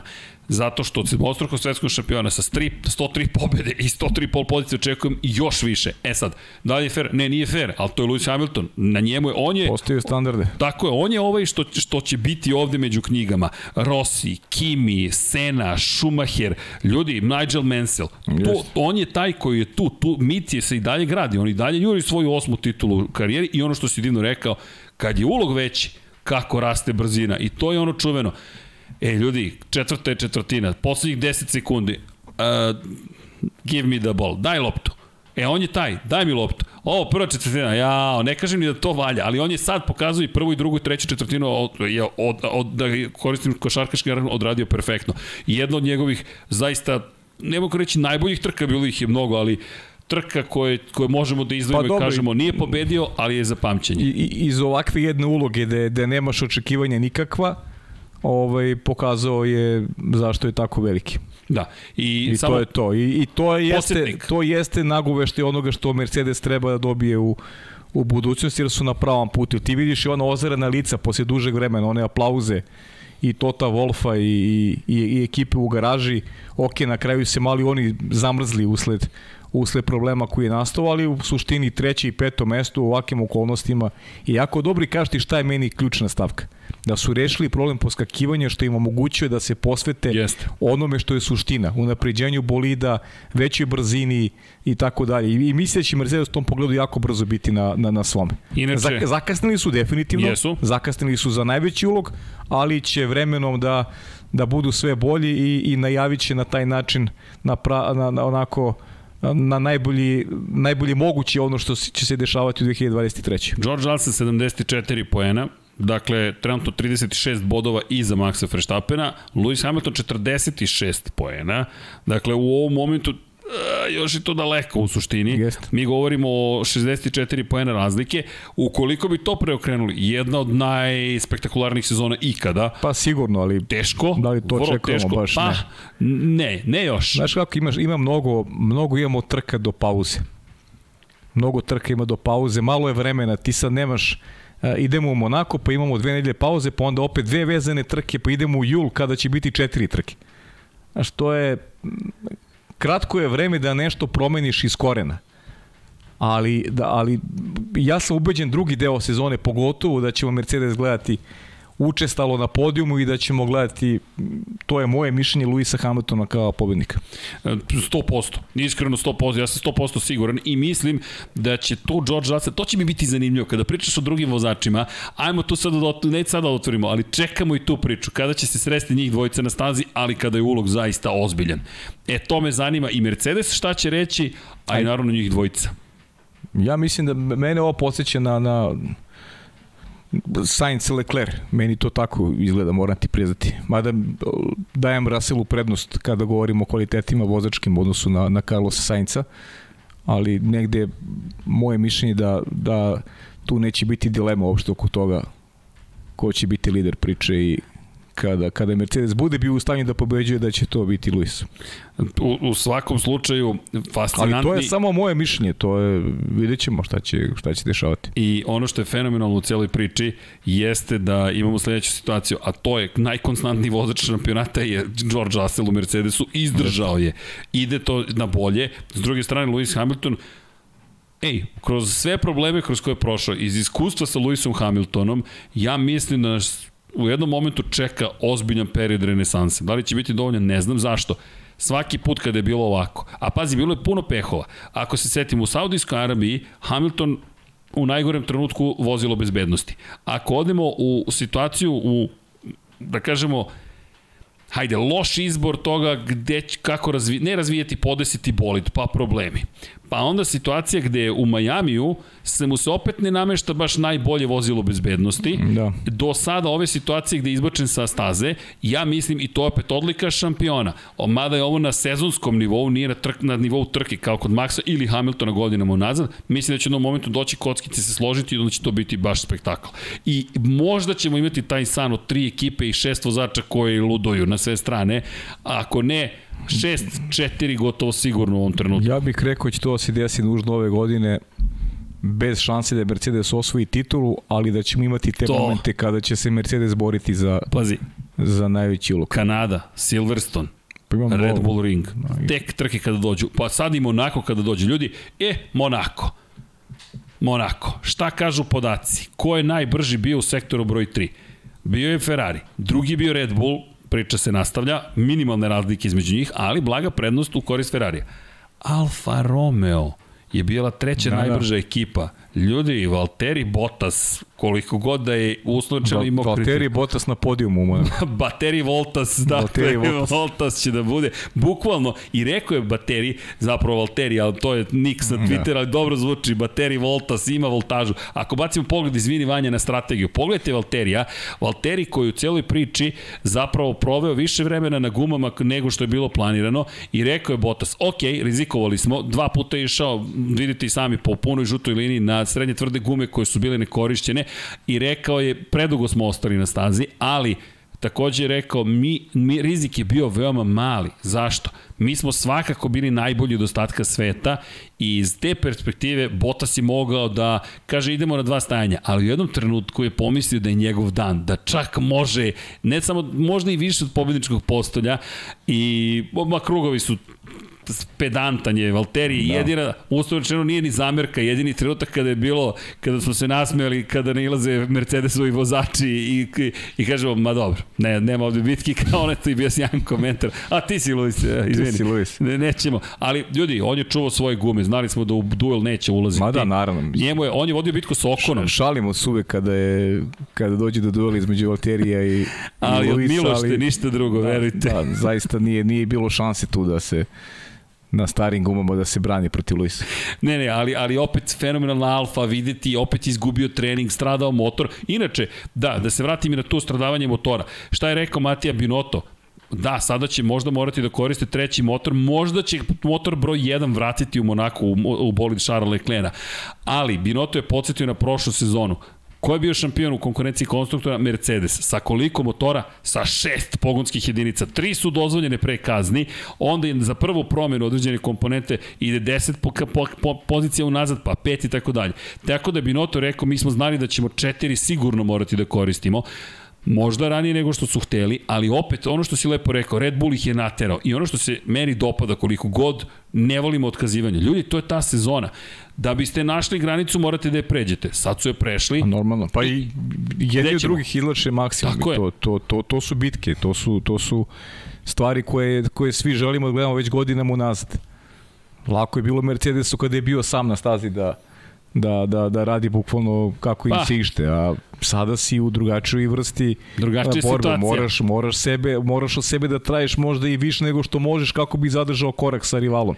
I pomeraju se granice konstantno, to je ono što, što je lepota Formula 1. A to će sada, izvini, Mercedes morati da uradi, jer ja mislim, neko je pitao da li su novi agregati kod Mercedesa pomogli. Ljudi, obično kod Mercedesa iz prethodnih sezona znamo, prvih par trka s novim motorima su mnogo bolje trke nego kada su korišćeni motori. Prosto je tako. Ali, Imamo ovde jednu drugu situaciju. Mercedes do sada nije morao od sebe da traži maksimum. Rešavao je problem broj 1 poskakivanje bolida. I to deluje taj efekat pliskavice morske svinje da je rešen. Sada, ono što Pavle stalno govori, idemo dalje. E sad, šta je to dalje? Ne znamo. Monako će možda biti prvi test, mada to su niske brzine, više ćemo vidjeti kako se ponaša na usporim krivinama bolid. Inače, Mercedes nije bio bolid broj 3 ili bolid broj 4. Mercedes je bio bolid broj 5. A ko je bio četvrti? Tim koji nismo ni videli, Haas. Da. Četvrta pozicija, ej, vidi, ljudi, ako Haas bude bio dobar u kvalifikacijama u Monaku, sve je moguće. Da, došao do kontakta između Kevina Magnusena, agresivno Kevina koji sa spoljne strane pokušao Hamiltona. Ja sam rekao tokom prenosa, Hamilton, ne kažem da je skrenuo, ali mislim da je pustio bolide, ali ne da bi zatvorio Magnusena. Hamilton je na prilazku četvrtoj krivini bio s unutrašnje strane i nije mogao da se vrati na idealnu putanju i da tako prođe krivinom. Već je na pola ušao i tako skreće da će bolid po prirodi stvari ići nešto širom putanjom, nailazi Magnusen, dolazi do kontakta, Magnusen je van staze, strada guma prosto kod Luisa Hamiltona i to je bio problem ključni za ekipu Hasa. Poeni bili su tu i to ozbiljan broj poena gotovo sigurno. Pa do, i to je još jedan pokazatelj da, da postoji očigledno i dalje velika razlika između Kevina Magnusa i Mika Schumachera. Jest. Nažalost, mi koji je počeo trku i bio na šestom mestu u jednom momentu, prosto nije uspevao da, da parira na, na, na pravi način i da i da Hasu donese poene. Sa Kevinom bi stvari bile potpuno drugačije, nažalost imao je taj incident, lepo si rekao, trkački incident između njega i Dešava. i Luisa Hamiltona i to mu je odmoglo u nekoj daljoj percepciji trke koja je za njega bila ispod proseka kada ako računamo sve ono što je do sada isporučio timu, ali će biti interesantno gledati ga u Monaku. Mogo bi na, na, na račun dobrih kvalifikacija da da sumiša i Kevin za, za visok plasman. Upravo zbog toga što od Ferrari očekujemo i Ferrari korisnika da u Monaku u tom spletu krivina znamo u ostalom kakva konfiguracija Monaka da, da upišu dobre rezultate. Zašto inače ovako dobre rezultate imaju Ferrarijevi korisnici? Tri stvari smo takođe uočili na ovoj trci u Španiji. Na izlasku iz krivina Ferrari jevi korisnici, Ferrarijeva jedinica glavna, pogonska jedinica, daje najbolji odziv. I kada pogledate, taj početak izlaska iz krivine je kod Ferrarija najmoćniji. Zatim dolazi na red Red Bull i odjednom se Mercedes pojavio tamo na kraju pravaca pri maksimalnim brzinama kao najmoćniji. Tako da imamo u, u, u Monaku ne za Mercedes. U Baku Da, I te kako da. Jest, I te kako da. Ali Monako, kao što si lepo rekao, Ferrarijevi korisnici pa broj 1. Pa to ono, kažem ti, prvi put smo svoje godine složili po pitanju to, pobednika. To, to. Da. a druga, pozicija, čekaj, a druga pozicija, čisto zabave rad. Pa znaš kako, ja, ja mislim, bez obzira koliko seti se Sainca prošle godine Isto Monaku. mislim. A. Isto mislim, dvostruka kol, pobeda. Koliko goda, koliko goda je u krizi neko i mogu bi da iskoristi potencijale koje ima, naravno, ukoliko opet nešto ne uprska. Da. I kako, kako, kako bi vidim Ferrari, Ferrari vozač vidim kao favorit, odmah iza njih je Max. To to. I, i onda bi jer dolazi... Max, jer Max uvek može da, da izvuče i više od onoga što su neki objektivna, objektivne očekivanja ili, ili moći. Prosto on je, kažem ti, iz mog ugla on je neka, neka definicija danas uh, uh, stabilnog vozača, čoveka koji je kadar da je u nekim nemogućim pozicijama napravi, napravi nešto više. Pa meni deluje da ćemo imati ponavljanje kvalifikacije iz Majamija, iskreno. I tu Sainz će imati, ja mislim, reprizu, to su samo razmišljanja, mnogo smo daleko da. od trke, u kojoj će morati da kaže, ok, sada ne dam poziciju. Prosto ne dam poziciju Maxu Verstappenu. Da, a, ali... Ako traži mi neko iznenađenje, onda je to Bottas. To je to. Valteri i Kevin, ne mislim, mislim da Kevin neće biti bolji od Mercedesa, ali da će biti tu među top 10. Ja mislim da, da Bottas može da bude bolji od Mercedesa. I, slažem se, sa od Mercedesa sigurno i mislim da će mu to biti izazov. O, ovo je sad, ovo je sad trka gde imam najmanje očekivanja Mercedesa, ali lepo si rekao, od, od Bakua mislim da oni kreću u uzlaznu liniju. To, to. Baku, ja mislim da je za njih glavna stanica posle svega ovoga. Slažem se skroz. Inače, Alpina, da pohvalimo, bila je zaista veoma dobro u ovoj trci. Pa da, posle, posle onako na izgled tralja vikend i, i, i trenizi kvalifikacije ti imaš oba vozača među desi, što je što je sjajno, da. ponovo sedmi. Ej, pa da, ba Esteban Okon, Esteban Okon je nevidljiv, ja mnogo, a pouzdan. Ba, baš ovaj, poštujem ovaj, njegove kvalitete, jedino što eto ima nije baš ovaj pravi timski kolega vrlo često, iako su mu neki pomagali ovaj, u prošlosti, on baš ne ume to da vrati nekad na pravi način, ali dobro. Međutim, dobar je vozač. Dobar je da vozač, da nema šta, ne donosi poene. Da. I pohvale za Fernanda Alonsa.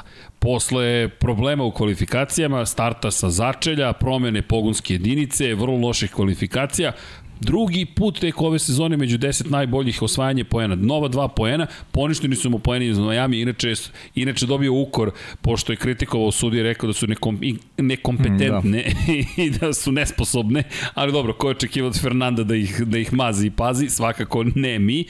I dva poena, pred domaćom publiku bilo je tu dosta aktivnosti. Ako pogledamo, ako bacimo pogled na strategiju, kada je reč o Fernando Alonso, Alonso koji je krenuo bukvalno sa začenja, Alonso na novim mekim, pa prešao na nove srednje tvrde, pa nove meke, pa ponovo meke gume. E sad, ako obratite pažnju, samo da dodamo jednu stvar, i samo jedan čovjek je bio na tvrdim gumama, Kevin Magnussen, imamo pitanje za Pirelli, C1, C2, C3, ove gume deluju pa kao da su bukvalno napravljene da budu gotovo pretvrde. Čak i u Španiji na 50 stepeni Celsijusa Jeste. temperature staze mi ne koristimo tvrde gume kao neku opciju. Pa, rekli smo, samo, samo Kej Magnussen je koristio tvrde gume, da. I, a inače, za ovu trku su pripremljeni C3, C4 i C5. Dakle, najmekša jedinjenja ćemo imati i to je, to je očekivano za Monako, ali eto, to će nam biti zanimljivo da vidimo ko će uopšte koristiti koje gume. Možda Obično- bi Pirelli mogao malo da malo više da da počne da... Da kombinuje. A inače, za ovu godinu, kada je reč o Monaku, očekujemo isto jedno stajanje deluje da će biti jednostavno ne, teško mi da poverujem da čak i na stazi koja čak i da bude da budu visoke temperature, ja ne verujem da će biti. Pa mislim da što nisu Niski su brzine. Niske, ne, baš, baš. Niski su brzine. I mehaničko prijanjanje u tom kontekstu će biti važno, kao i naravno kada je reč o tom inicijalnom ubrzanju, zato to i tipujemo na sam Ferrari. Aerodinamika igra mnogo, mnogo manju ulogu, ponašanje oslanjanja, dakle gume, to je ono što će ključno morati da reše. Kada je reč o vremenskim uslovima za, za ovaj vikend, u petak se očekuje kiša, u subotu mestimično oblačno, u nedelju kiša. Baš me čudi. Da, dakle, Monaku... S obzirom da si ti u Muđelu, čudi me baš da je Da. kiša ovaj. u Monaku. Jako se mi iznenaće. Izvini, ali da, da li smo očekivali nešto drugo? Zapravo ne. Ne. Ali, ali, ali, ali, ali, ok, držimo palče da će ipak biti i suvo, a ako bude padala kiša, ljudi, bit će zabavno, to je Biće Monako. sigurno, da. Ko je nas još zabavio? Dve osobe ostavljene za kraj, Yuki Tsunoda, jedan poen. Pa to, to ono što smo pričamo konstantno i ovde u podcastima i u prenosima. Juki Tsunoda onako klikne na svakoj drugoj trci. Juki nije konstantan i zaista mi je teško da pričamo ovaj, o, o, o, o njegovim, njegovim dostignućima. Po, kapa dole za, za poen, ali ono što, što jeste e, užasno za Alfa Tauri, to je forma Pjera Gasly. Pazi, I Ono ironija je- je, ono je katastrofa, ja ne znam. Kad se kritikujemo Yuki, izvini, a Yuki je bolji od Pjera. Ja. To je tragedija. Pierre je bio 13.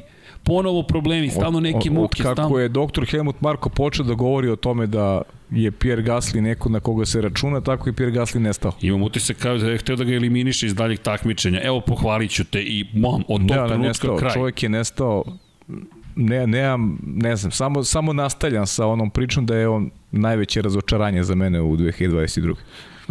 Ne znam, ja u ovom ovom što po, Sainz i on su zaista Možda se, sa, možda se sa tim momkom nešto dešava što mi ne znamo. Moguće.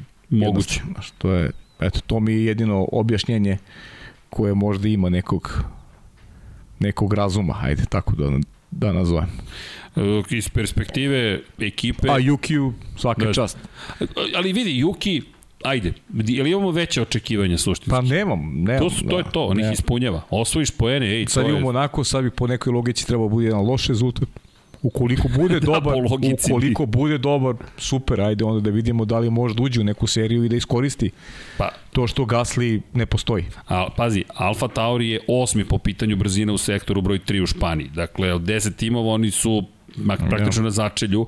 Nešto tu ne obećava. Ne, zaista ne vidimo poravak za Alfa Tauri od jednom u Monaku. Ali da to je ono, a, Pierre je već vozač koji a, ok, nisi dovoljno brz da bi se takmičio za ne znam, za kao prošli godina da imaš neko peto, četvrto mesto, da se popneš na podijum. Ali moraš i iz ovoga, iz ovog lošeg bolida ti pokažeš da si pravi. Mora pobeđuješ Juki Tsunodu u krajnjem slučaju.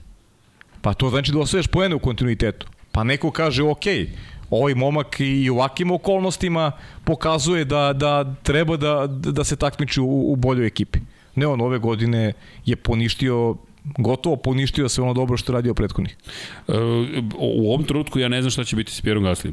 Ne vidim šta je budućnost Alpini, šta će Alpini ovakav vozač. Ne znam. Red Bull da ga zameni umesto Čekaj, Serhije šta, Pereza. šta će ti neko, ko- zašto bi dovodio zamenu za, za Esteban Okona? Ne u krajnjem znam. slučaju. I, i, Ili- ili- ili radiš- Fernando ili Alonso Fernando umesto, umesto njega da Pa ne, umesto pa F- Fernando Alonso ti donosi ima ime i prezime, neko, ko, je. neko ko privlači sve i sponzore i publiku i Oskar Piastri. Oskar, Oskar Pjastri. Pjastri mora tu da se pojavi. Pierre Gasly, nažalost, bojim se da baš propušta jednu veliku priliku koju, koju je sam stvorio ponovo, ali Slažem se. o, bojim se da je ovo već neki put iz koga će se teško izvući. I pohvale za ekipu koja je inače, kada je reč o najavi za Monako iz perspektive tih poređenja, jel te, sektora 3, McLaren.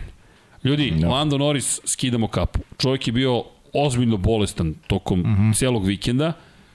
Osmi je završio, nevidljiv je bio iz perspektive režije, startovo nije stigao u Q3 deo kvalifikacije. Inače, Mick Schumacher prvi put u karijeri u Q3 jeste posle oduzimanja jednog kruga Landu Norrisu, koji je sišao sa staze sa sva četiri točka, ali je ušao prvi put u karijeri. Pa da, i to što smo rekli, bio je šesti na momentu na početku trke, ali prosto nije, nije uspeo da iskoristi tu neku vrstu Potrošnje potencijala. guma. Da, Potrošnje guma. guma. Čak, i, čak i na stazi. Ja sam pomislio, naš, Barcelona manje ima tu preticanja, možda se kroz dobu strategiju provuče među 10, ali nije bio ni blizu. Inače, kada pričamo o potrošnji guma, vratit ćemo se na Landa. Ako bacimo pogled ponovo na strategije, Alex Albon u Williamsu rekao da su mogli slobodno da idu na 5-6 stanja, bilo bi isto. Četiri stanja imao Alex Albon. Meke gume nove, srednje tvrdoće nove, meke gume nove, srednje tvrdoće nove i onda korišćene meke gume. Četiri puta je čovek stajao i rekao ja nisam dovoljno sporo mogao da vozim koliko su mi se gume trošile strašno koliko su problema mnogo imali i iz te perspektive možda eto ćemo ponovo videti neke probleme u Baku na primjer ili negde drugde, ali činjenica je da je izgledala zastrašujuće trke iz perspektive Alexa Albona. Ja sam čak pomislio u trenutku da je neki problem, ali Pa problem je. jeste, Pobe, kume. Pobedio ga Latifi. Pobe... da, pa jeste, pazi, pobedio te Latifi. To je ozbiljan minus u karijeri Kako? Alex Albon. Ko- i- I, izgubio trku od Latifi. pazi, kako bude šalimo, šala, da. ali, ali, e, vidi, ima nešto u tobe. Čovjek je pogrešio, pa jednostavno nije uspeo. Inače, Mick Schumacher, kada ga spominjemo, išao je na dva stanja, na kraju se ispostavilo da to pogrešna strategija, osim ukoliko niste Valtteri Bottas, ali i pokazatelj šta je Bottas učinio u toj Alfi sa dva stajanja. Da se vratimo McLarenu, Lando Norris, svaka čast, e, S druge strane, ajmo ovako. Lando Norris bolestan osma Da, pozicija. to je ono što smo pričali malo pre. Ti, ti kad nemaš uh, u rukama nešto što je van serijsko, nešto što je što ti omogućuje da da da imaš sjajnu trku, ti mora da pokažeš da si ti taj da da u svakoj situaciji praviš dobar rezultat. To radi Lando Norris stalno. da, Ti stalno imaš utisak kad Lando završi trku da je to maksimum koji može McLaren. Da, apsolutno ti je- nema sumnje pa ne, da je, da je to ti, postigao to ti maksimum. uvek utisak. Jer, jer baš se redko dešava da Lando odveze trku u kojoj si sumnjičav i kažeš mm, mogao je bolje. bolje. Da, da, da. Naravno, postoje takve trke, ali su redke.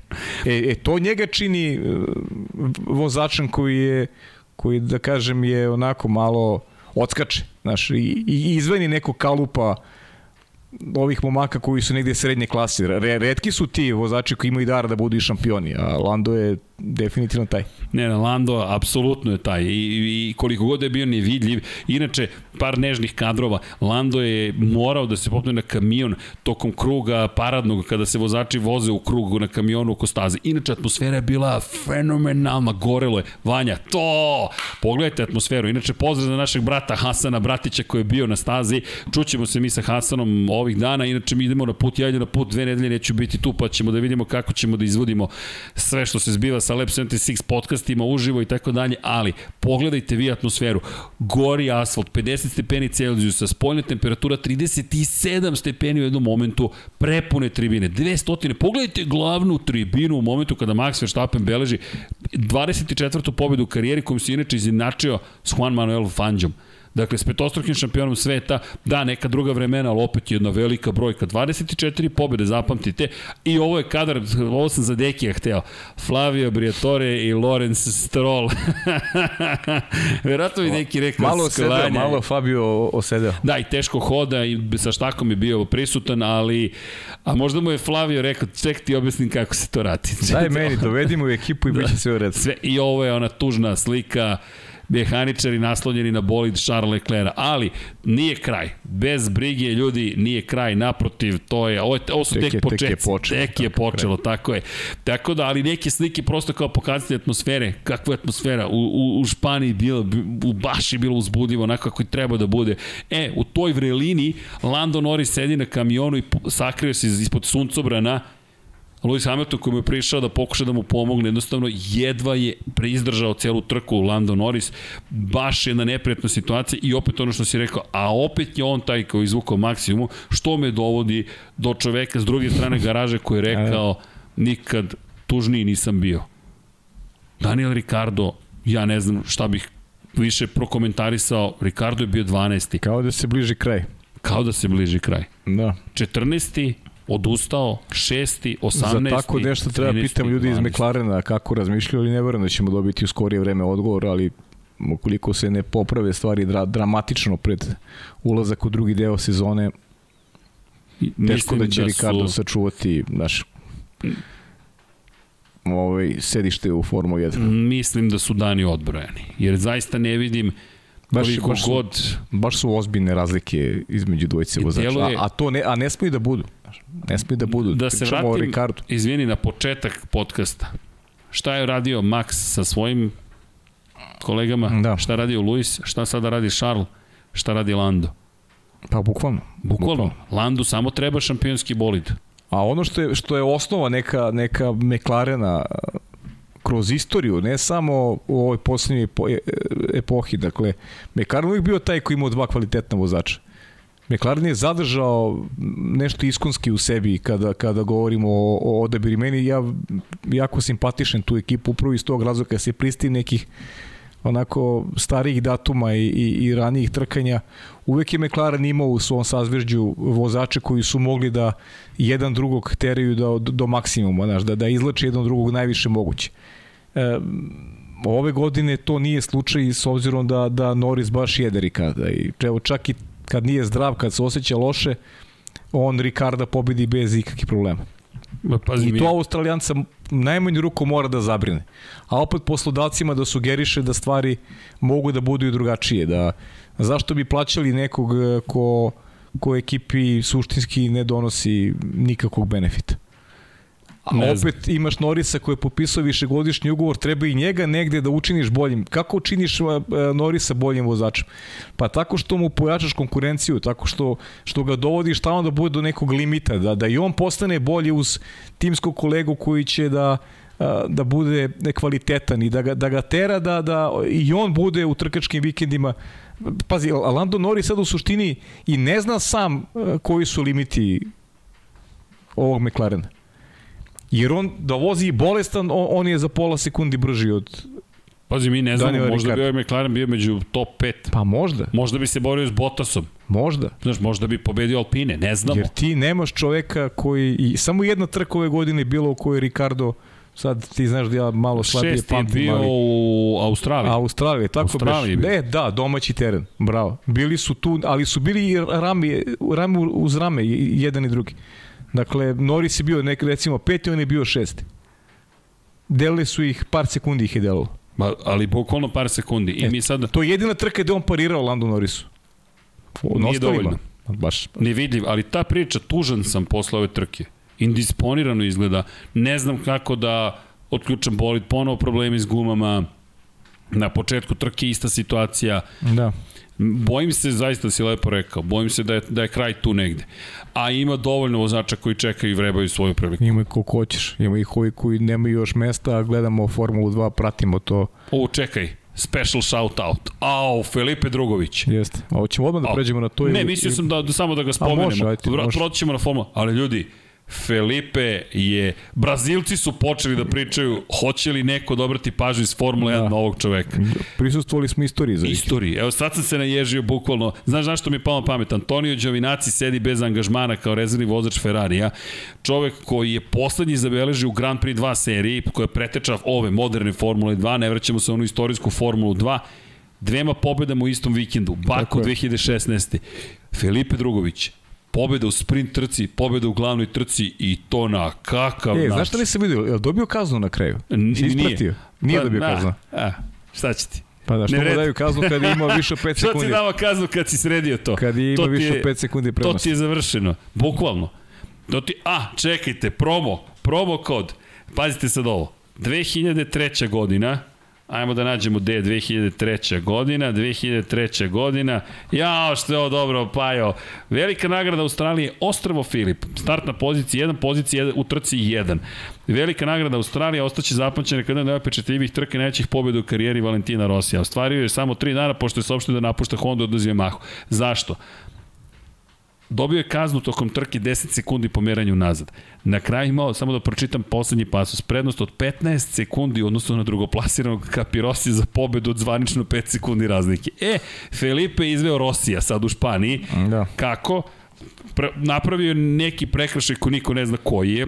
ne znamo, još nismo ustanovili. Da, da, da, bukvalno. ne znamo, niko ne zna koji je to prekršaj, ali i nije kraju ni kažnjen zapravo, Felipe je tako dobro vozio da je imao 5,5 sekundi prednosti na kraju trke. Da, bila trka sa vremenom na kraju sa Jacko do ono uspeo u poslednjih par krugova da pređe tih 5 sekundi, zaista sjajno trka. Vratit ćemo se, ali samo sam morao da izbacim Felipe, neko kao, pa kakve veze ima s ovim prostorima? Pa možda nikakve, ali ima ići, pa nam je pa zabavno. Pa dobro, nema, pa pazi, i, i, da nema, i da nema, i da nema vozač. čovjek je iz Brazila, a Brazilci traže neku zvezdu. novu zvezdu. Zvezdu čovjek koji ima najmanje podrške, upravo Filipe Drugović. Porodica brine o njemu, nema sponzore. Zar to nije isto romantična priča? A rekao bih da je kvalitetniji vozač i od Enca Fittipaldija, aj neću da govorim o Kaju Koleu koji se tek pojavio, ali Enzo Fittipaldi je već dugo prisutan i mislim da nema nema tu vrstu talenta koju, koju ima Filipe.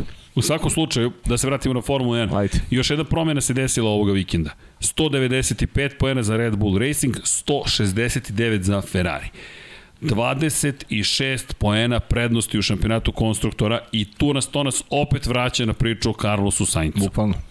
Kada je potrebno da ti budeš najbolji mogući ako je prvi vozač imao problem ili koji god dru, suprotni vozač, onaj s druge strane garaže, ti ne možeš da voziš ovako. A došli smo u situaciju da Sainz tri puta nije doneo, dva puta nije doneo poene, sada jednom nije doneo Leclerc kada je odustao, kada je prosto bolid stradao i Ferrari izgubio prvu poziciju. Ne da izgubio, nego je samo 49 poena ispred Mercedesa, koji stalno osvaja bodove. Red Bull Racing nije osvojio titulu u šampionatu konstruktora od 2013. godine. Žele tu titulu, žele da taj niz koji deluje da će se okončati Mercedesa od osam uzastopnih titula, bude početak nekog pa njihovog. Pazi, a, ako je nešto realna slika onoga što gledamo od početka godine, to je onda konkurencija konstruktora. Jer imamo dvojicu vozača koji su vrlo pouzdani i koji kada završe trku, završ, završe je uglavnom na podijumu. Mislim i na Maxi i na Čeka Perez. Dakle, Red Bull ima dva najpouzdanija vozača u tom pogledu. Kad, kad kaže najpouzdanija, mislim na timski kolege. Jer e, u Ferrariju nedostaje Sainz, e, Mercedes trenutno je, je Russell taj koji konstantno isporučuje dobre rezultate. Hamilton pričali smo o tome, Hamilton je imao i imao i neke loše momente, pogotovo u kvalifikacijama, ali ova dvojca, Verstappen i Perez, mislim da čine onako realnu sliku onoga što, što imamo u plasmanu konstruktora. Apsolutno realnu i da se ne vraćamo na priču s početka. Sainz mora bude Mnogo bolje Mnogo bolje, da. Inače, McLaren je četvrti, ni na nebu ni na zemlji, 50 poena, Alfa Romeo 39, Valtteri Bottas Bravo, 39, da. bukvalno.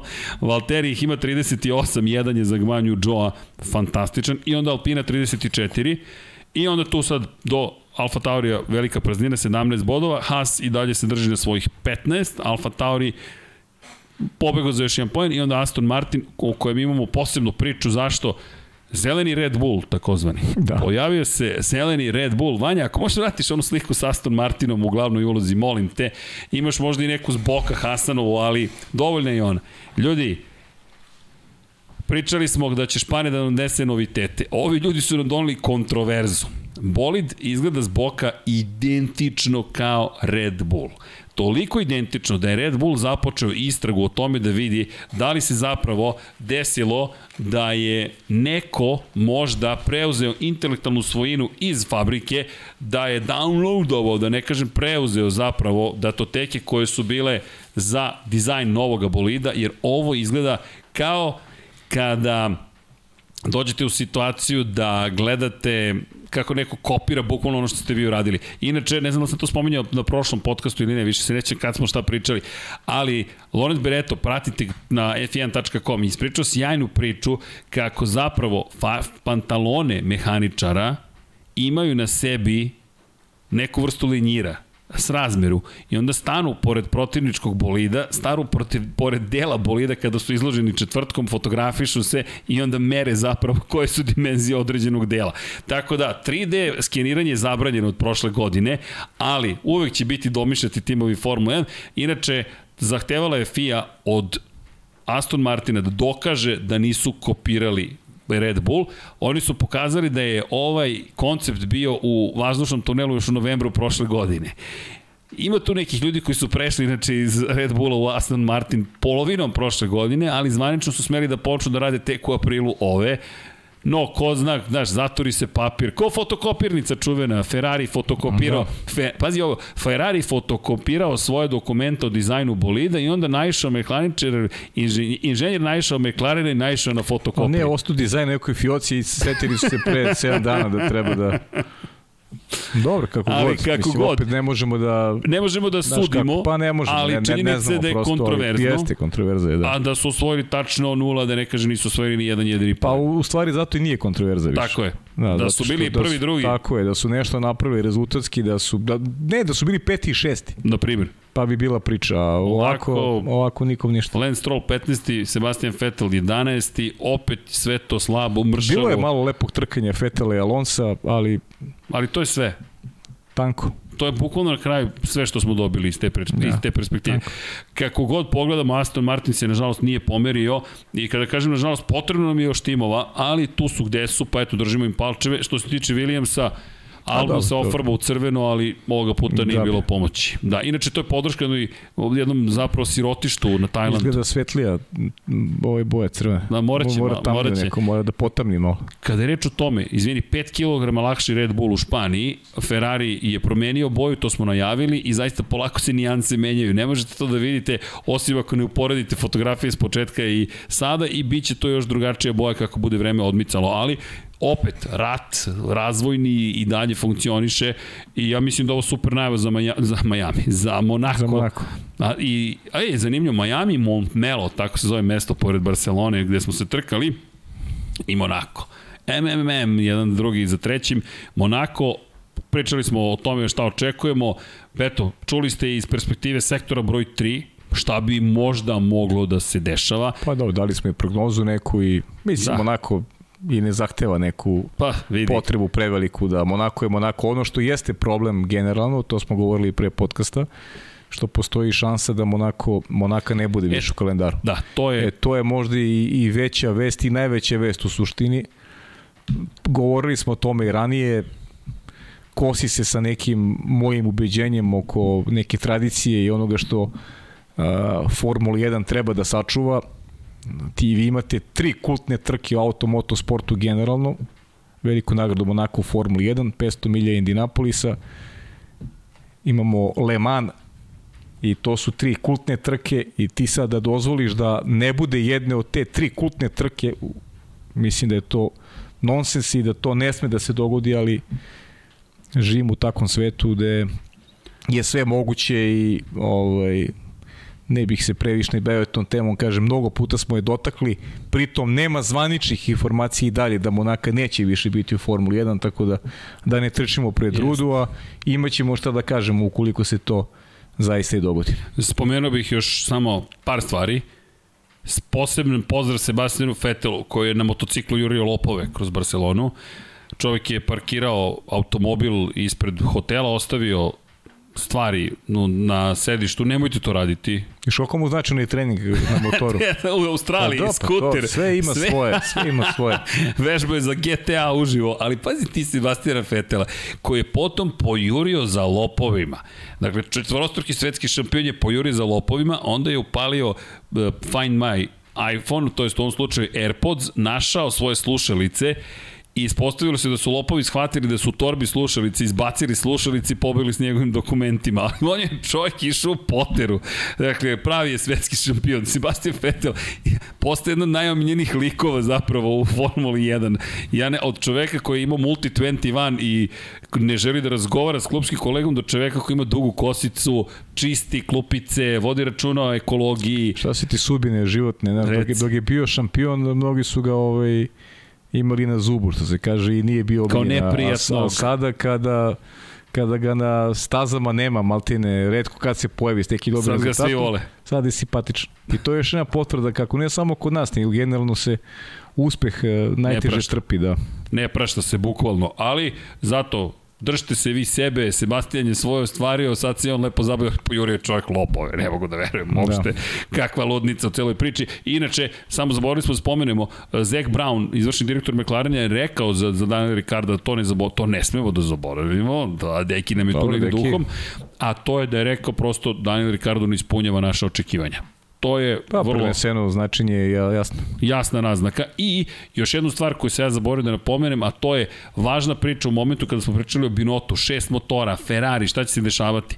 Bitan, bitan, bitan moment. Christian Horner koji insistira na tome da nemaju dovoljno budžeta timovi da završe sezone i da ćemo doći u situaciju da neki timovi ne mogu, to je dramatično onako dosta zvuči, Da. to se neće desiti, da neki timovi neće uopšte biti na kraju godine prisutni na trkama jer neće imati para da doputuju. I rekao je, kada vam skoči potrošnja prenosa materijal, transporta, transportnih troškova za 2,5 do 3,5 miliona dolara godišnje, a vaš razvojni budžet je 20 s obzirom na činjenicu da imate u 140 miliona dolara sve moguće troškove, dakle proizvodnje, putovanja, razvoja, onda ne možete da ostanete na istom budžetu. Šta zapravo hoće Horner da kaže? Povećite nam budžet. Što nas dovodi na priču o Matiji Binotu koji je rekao Red Bull ne može da nastavi sa ovim tempom razvoja svog bolida, neće imati para. I to isto dobra igra. Ako Horner sada kaže povećite budžet, ostali kažu sorry, ne. Da li će odjednom stati razvoj Red Bulla ili i da li je Ferrari uštedeo da u negde sledećoj fazi podigne troškove. Haas je tu zanimljiv, Haas nije donio ni jedno unapređenje u Španiju i bio brz. I rekli su nam, mi nemamo problem da kasnimo dva meseca po pitanju novih delova odnosu na ostale, nije da im je nešto nedostajalo. Pa to smo pričali, generalno imaju vrlo dobru poziciju, tako da ne moraju da žure. Ali generalno, I ono što smo, mislim da je Ferrari možda malo požurio, ali to je sad, to je ta stvar pogleda Pritisak. da, na, na konkurenciju i opet te, te, ti vezani triumfi Maxa Verstappena povećavaju ovaj, pritisak eh, na ekipu Ferrari, ali dobro, mislim treba da se drže nekog svog plana svoj plan, tako i, je. i, i da probaju da ga izgurije do kraja, ali to je nekad Ali, zaista teško, teško napraviti na pravi način. znaš šta je velika promena? Ok, guraju, imaju vozača koji može da osvoji titulu, Ferrari konkretno. Druga stvar, Binotto koji šalje ipak strelice kroz novine, Pa kao da, što je mora. Wolf.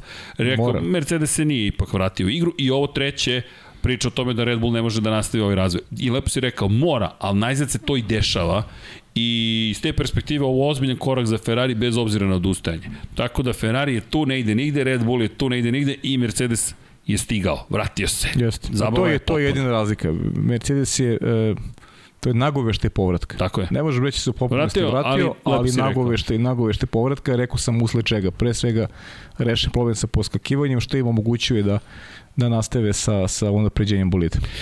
Idemo na Formulu 2. Filipe Drogović, već smo rekli, dvostruka pobjeda. Idemo odmah u Monaku, nastavlja se šampionat Tako već je. sada, dve trke nas čekaju, sprint i glavna trka, kvalifikacije u petak, kritične će biti, pogotovo ovde. Teo Porcher, peti i osmi, 26 pojena za ostatka. Prosječan vikend za Teo Puršera, za nekog ko ima šampionske ambicije, nismo ga mnogo videli ni u preticanjima, ni u nekim zanimljivim dešavanjima, ali ok, i, i to je dobar vikend kada, kada nisi na nekom nivou, a osvojio si poene.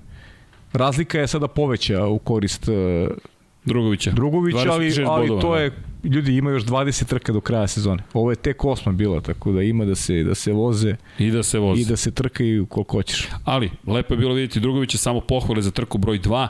Duže je ostao na stazi na starim gumama, skoro do polovine trke, Jeste. vozio neverovatne krugove, nadoknadio je sav za ostatak. Bio je deseti na startu, skočio je na sedmu poziciju, odustao od Deruvala, došao do kontakta između njega i Vase, e, Doruvali se zaglavio prosto, prosto se pokvario boli, i Vasa nije na vreme reagovao, obojca, i Vasa je nastavio trku, ali izgubio poziciju, Deruvala odustao, na peto skače Drugović, počinje počinju promene prosto guma, Izbedija na treću poziciju posle promjene guma najduže ostao na stazi na starim, svi ostali su brzo promenili gume, pretiče drugoplasiranog, pretiče prvoplasiranog, izbije na prvo mesto, 5 sekundi prednosti stiče, pobeđuje, anulira bilo kakvu potencijalnu kaznu i prva dvostruka pobjeda u istoriji nove Formule 2. Da. I jedino što, eto, Bravo. što bih još dodao na, na cijel vikend je Denis Hauger koji ne može da se sastavi kao šampion Formule 3. Neko smo očekivali možda i romantično malo da, da se nastavi taj trend vozača koji osvajaju i titule u prvo trojci po dvojici, tamo još od Leclera, Rasela, pa Oskara Pjastrija.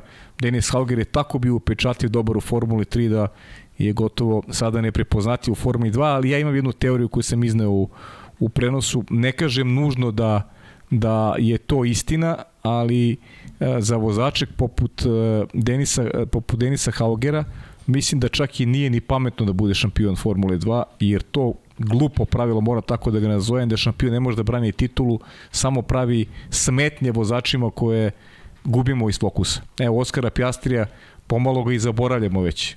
Sedi negde u garaži Alpine, pa sreda na vreme redite i skrene pažnju njega, zar ne je bilo bolje da je Oskar Pjastri dobio priliku da brani e, titulu u Formuli 2? Ja mislim I da bi njemu je bilo bolje. I konkurenciji i, bi bilo bolje. I konkurenciji da bi bilo bolje. Tako je. Ali, nažalost, pravila ne planiraju da menjaju, makar ne za sada. Inače, i Vasa drugi u prvoj trci, Jack Duan osvojio pol poziciju i bio drugi u drugoj trci. U prvoj trci Vasa bio drugi, Logan Sargent treći u prvoj trci i treći Frederik Vesti. Istakao bih, nažalost, lošu trku za Jurija Vipsa. Da. Vips koji je dobio priliku prvi put u karijeri da testira Red Bull, Formulu 1 u prvom treningu za veliku nagradu Španije, loš u krivini 4, pre Sainca, pre Verstappena identična bio, bio greška. drugi u kvalifikacijama, znači nižu se greške, svestan je, pogotovo u prvoj trci, u drugoj je bilo i tehničkih problema. 17. pozicija baš, na kraju. Baš loš vikend za Jurija Vipsa. Da, i iz te perspektive nismo sigurni šta I, dalje. I, koliko je, koliko je dobar bio, u stvari Filipe Drugović, on je jedini vozač koji je na obe trke bio na podijumu i to na najviše stepeniku. Neverovatna, ne, neverovatna trka. Ja, ja sam oduševljen, zaista, kompletnošću njegovog nastupa u Barceloni. Vidjet ćemo šta sledi naravno u Monaku, ali ukoliko Monako ovako nastavi. Ne, u dobre formi, početak godine. Sve trke završio po Da, treba to iskoristiti. U Formuli 3 drugačija situacija. Nismo imali dvostruku pobedu. David Vidales prvi put u karijeri slavio Španac kontraverzno. U drugoj Jest. trci Viktor Martens koji je sada i dalje vodeći u šampionatu. Šest pojena prednosti u odnosu na Romana Stanjika, ali Vidales prva trka sudije i ne sudije. Jedan vrlo agresivan tu, manevar. Da, tumačenje pravila, to jest ne znam, možda, možda i, i malo, mali vetar u leđa čovek koji je ipak domaći predstavnik došao do prvog triumfa, ono što je opet moj utisak je Artur Leclerc, jedan loš vikend, pogotovo ona glavna trka, trka broj 2 gde se nije najbolje snašao i eto, ostao bez, bez prilike da osvoji pojene, tako da sada Viktor Martins napravio poveću razliku. Ipak neko vidi Martinsa i Leclera kao najveći kandidati za, za titulu u Formuli 3. Pa da, Artur... I oč, očigledno da se nije dalo braći Lecleru u Barceloni.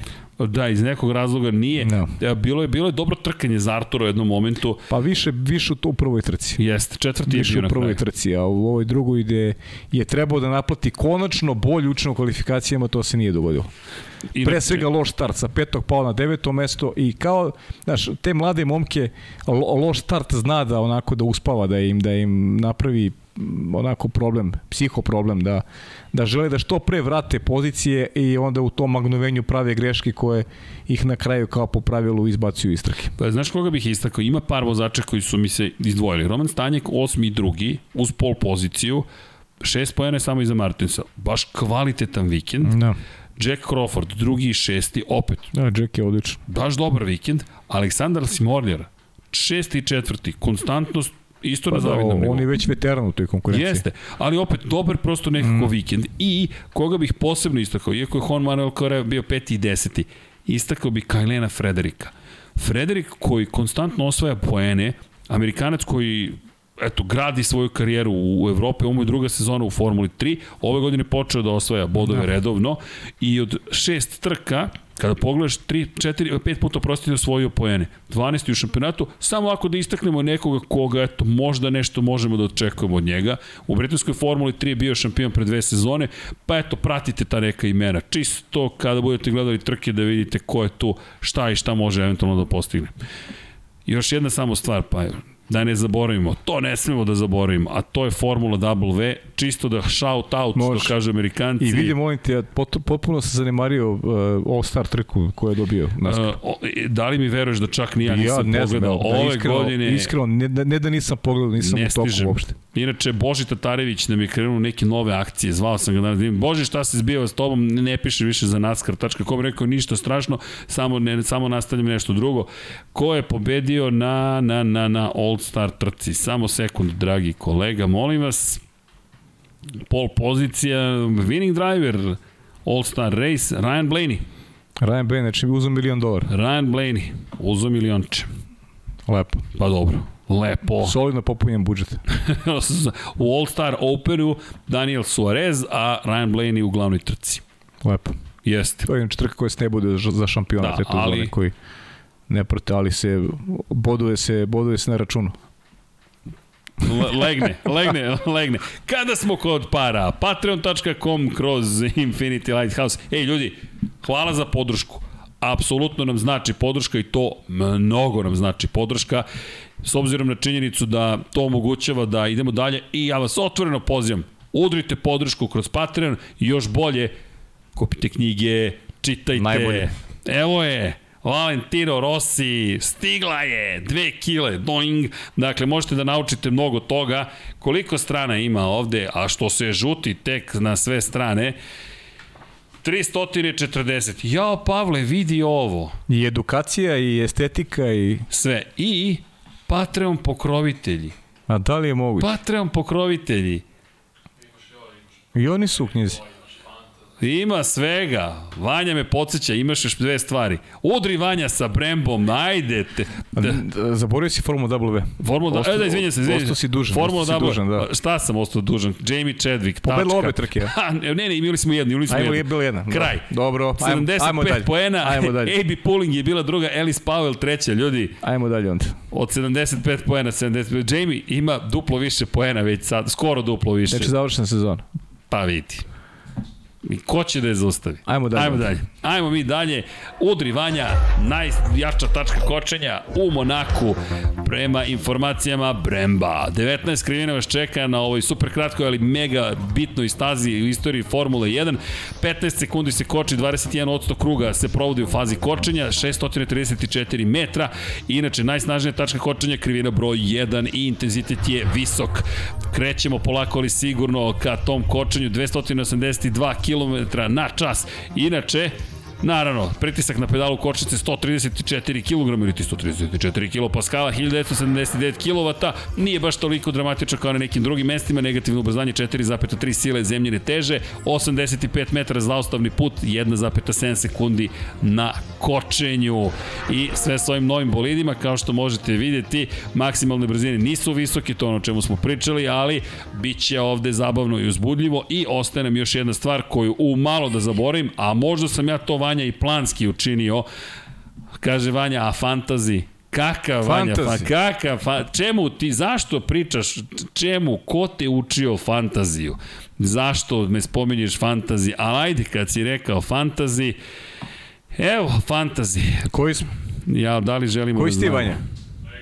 A ne, Ne, o, nema mi koji, kakve koleginici iz prodaje. Ja, ona ima Valterija Botasa. Ja, vjerojatno se opet uništila. pa dobijemo ga ja, ali to ne A znači. to, nema veze. da, ne mora da znači. Ajmo mi da vidimo. Leaderboards, da vidimo. Gde smo mi? U My Games, izvinjam se. My Games, Lab 76 zvanična liga. Mene, u- mene ubi Gasli. Ja imam, ja sam 3710 i tu, nemam, ne, ne, nema mrdanja. Mr. Larbo vodi, Kanada, opa, Mr. Idemo. Larbo, ide Haas na je pozicija broj 2, 1487 poena za Mr. Larba, 1412 poena za ide Haas na max, pa Rošu Racing, Uroš, Tim 1 iz Britanije, Uroš i Stevan su inače iz Srbije, Donald N je na četvrtom mestu, zatim tim 1 Nemanja N, pa tim Supernova, Nemanja i, a zatim Aleksej, tima, tim Supernova, to su momci iz Srbije, zatim Emery Motorsport, Wilburn Emery, pred, ne znam, a, dobro nam došli, Skuderija, Lovelock, Ma, Scuderia. Maršan, tako je, Mala Puna, Radovan B, Ivan Gradinje, Premium Racing i tako dalje. Gde smo ti ja, pa je? Ajde, ja sam nađi nas. 3700, ti? Ne znam, Čekaj. nisam provjerao. Šta šta? Napredovao sam, hvala Vanja. Dobro, Pavle, pomeraš se. gde je Živković da ima? Pavle Ž, 591. O! Pa ja sam nazdao, mislim. Nazadovao? O, dobro. Nisam, a? Stvarno? Jesi. Pa ne, nisi, ali, pa nisi loš, Pa 197. ne, ne, ne, nemam Leclera, ne, ozbiljno? A ne, čekaj, čekaj, čekaj da vidim. Nemam, Pavle, nemam Leclera, ne, mislim Lecler 133 poena, jeste, Leclerc ti je Perez dono poene Norris, Gasly ti je u timu, ja, ja, ja, imaš i Bottasa. Gasly, Ne, ne, Gasli, Gasli, ovaj, ali neću ga menjam. Ne. Neću menjam ništa, Ne. to je to. ajde vidim ja sa mojom ekipom šta se desilo u Španiji. Verstappen, ok, Sainz, Turbo, Alonso, Tsunoda, Schumacher. no- Pa kako imam toliko tako malo Pa dobar poena? si, dobar si. Imao sam sve, sve sam odigrao u redu, 154 poena. Schumacher, ja, nula poena. Pa ne može tako, mi, mik, miče, Miče, miče. miče. Nema- Schumacheru miče, ne može tako. Infinity Lighthouse ti kliče. Miče. A, čekaj da vidimo gde je koleginica iz prodaje. 76. O, Lab 76, alo, Vera. idemo, bravo. Sad znamo ko će časti, dobro. Povišica, ali 0, 100% od 0 je 0. Duplirat ćemo bonus. Mislim da se tome i nadalo. Bob Rokovski, kao broj 1. A, da. Kako, Odvećan znaš kako, stan. pa sećaš se kako broj je broj 1 na pare. Kako? Znam. Znam. Najbolja matematika. Ali Irena je na 76. Uuu, burn. Možda dovedemo neku nagradu. Kogod je 76. dobije nešto svakog vikenda. Dobro.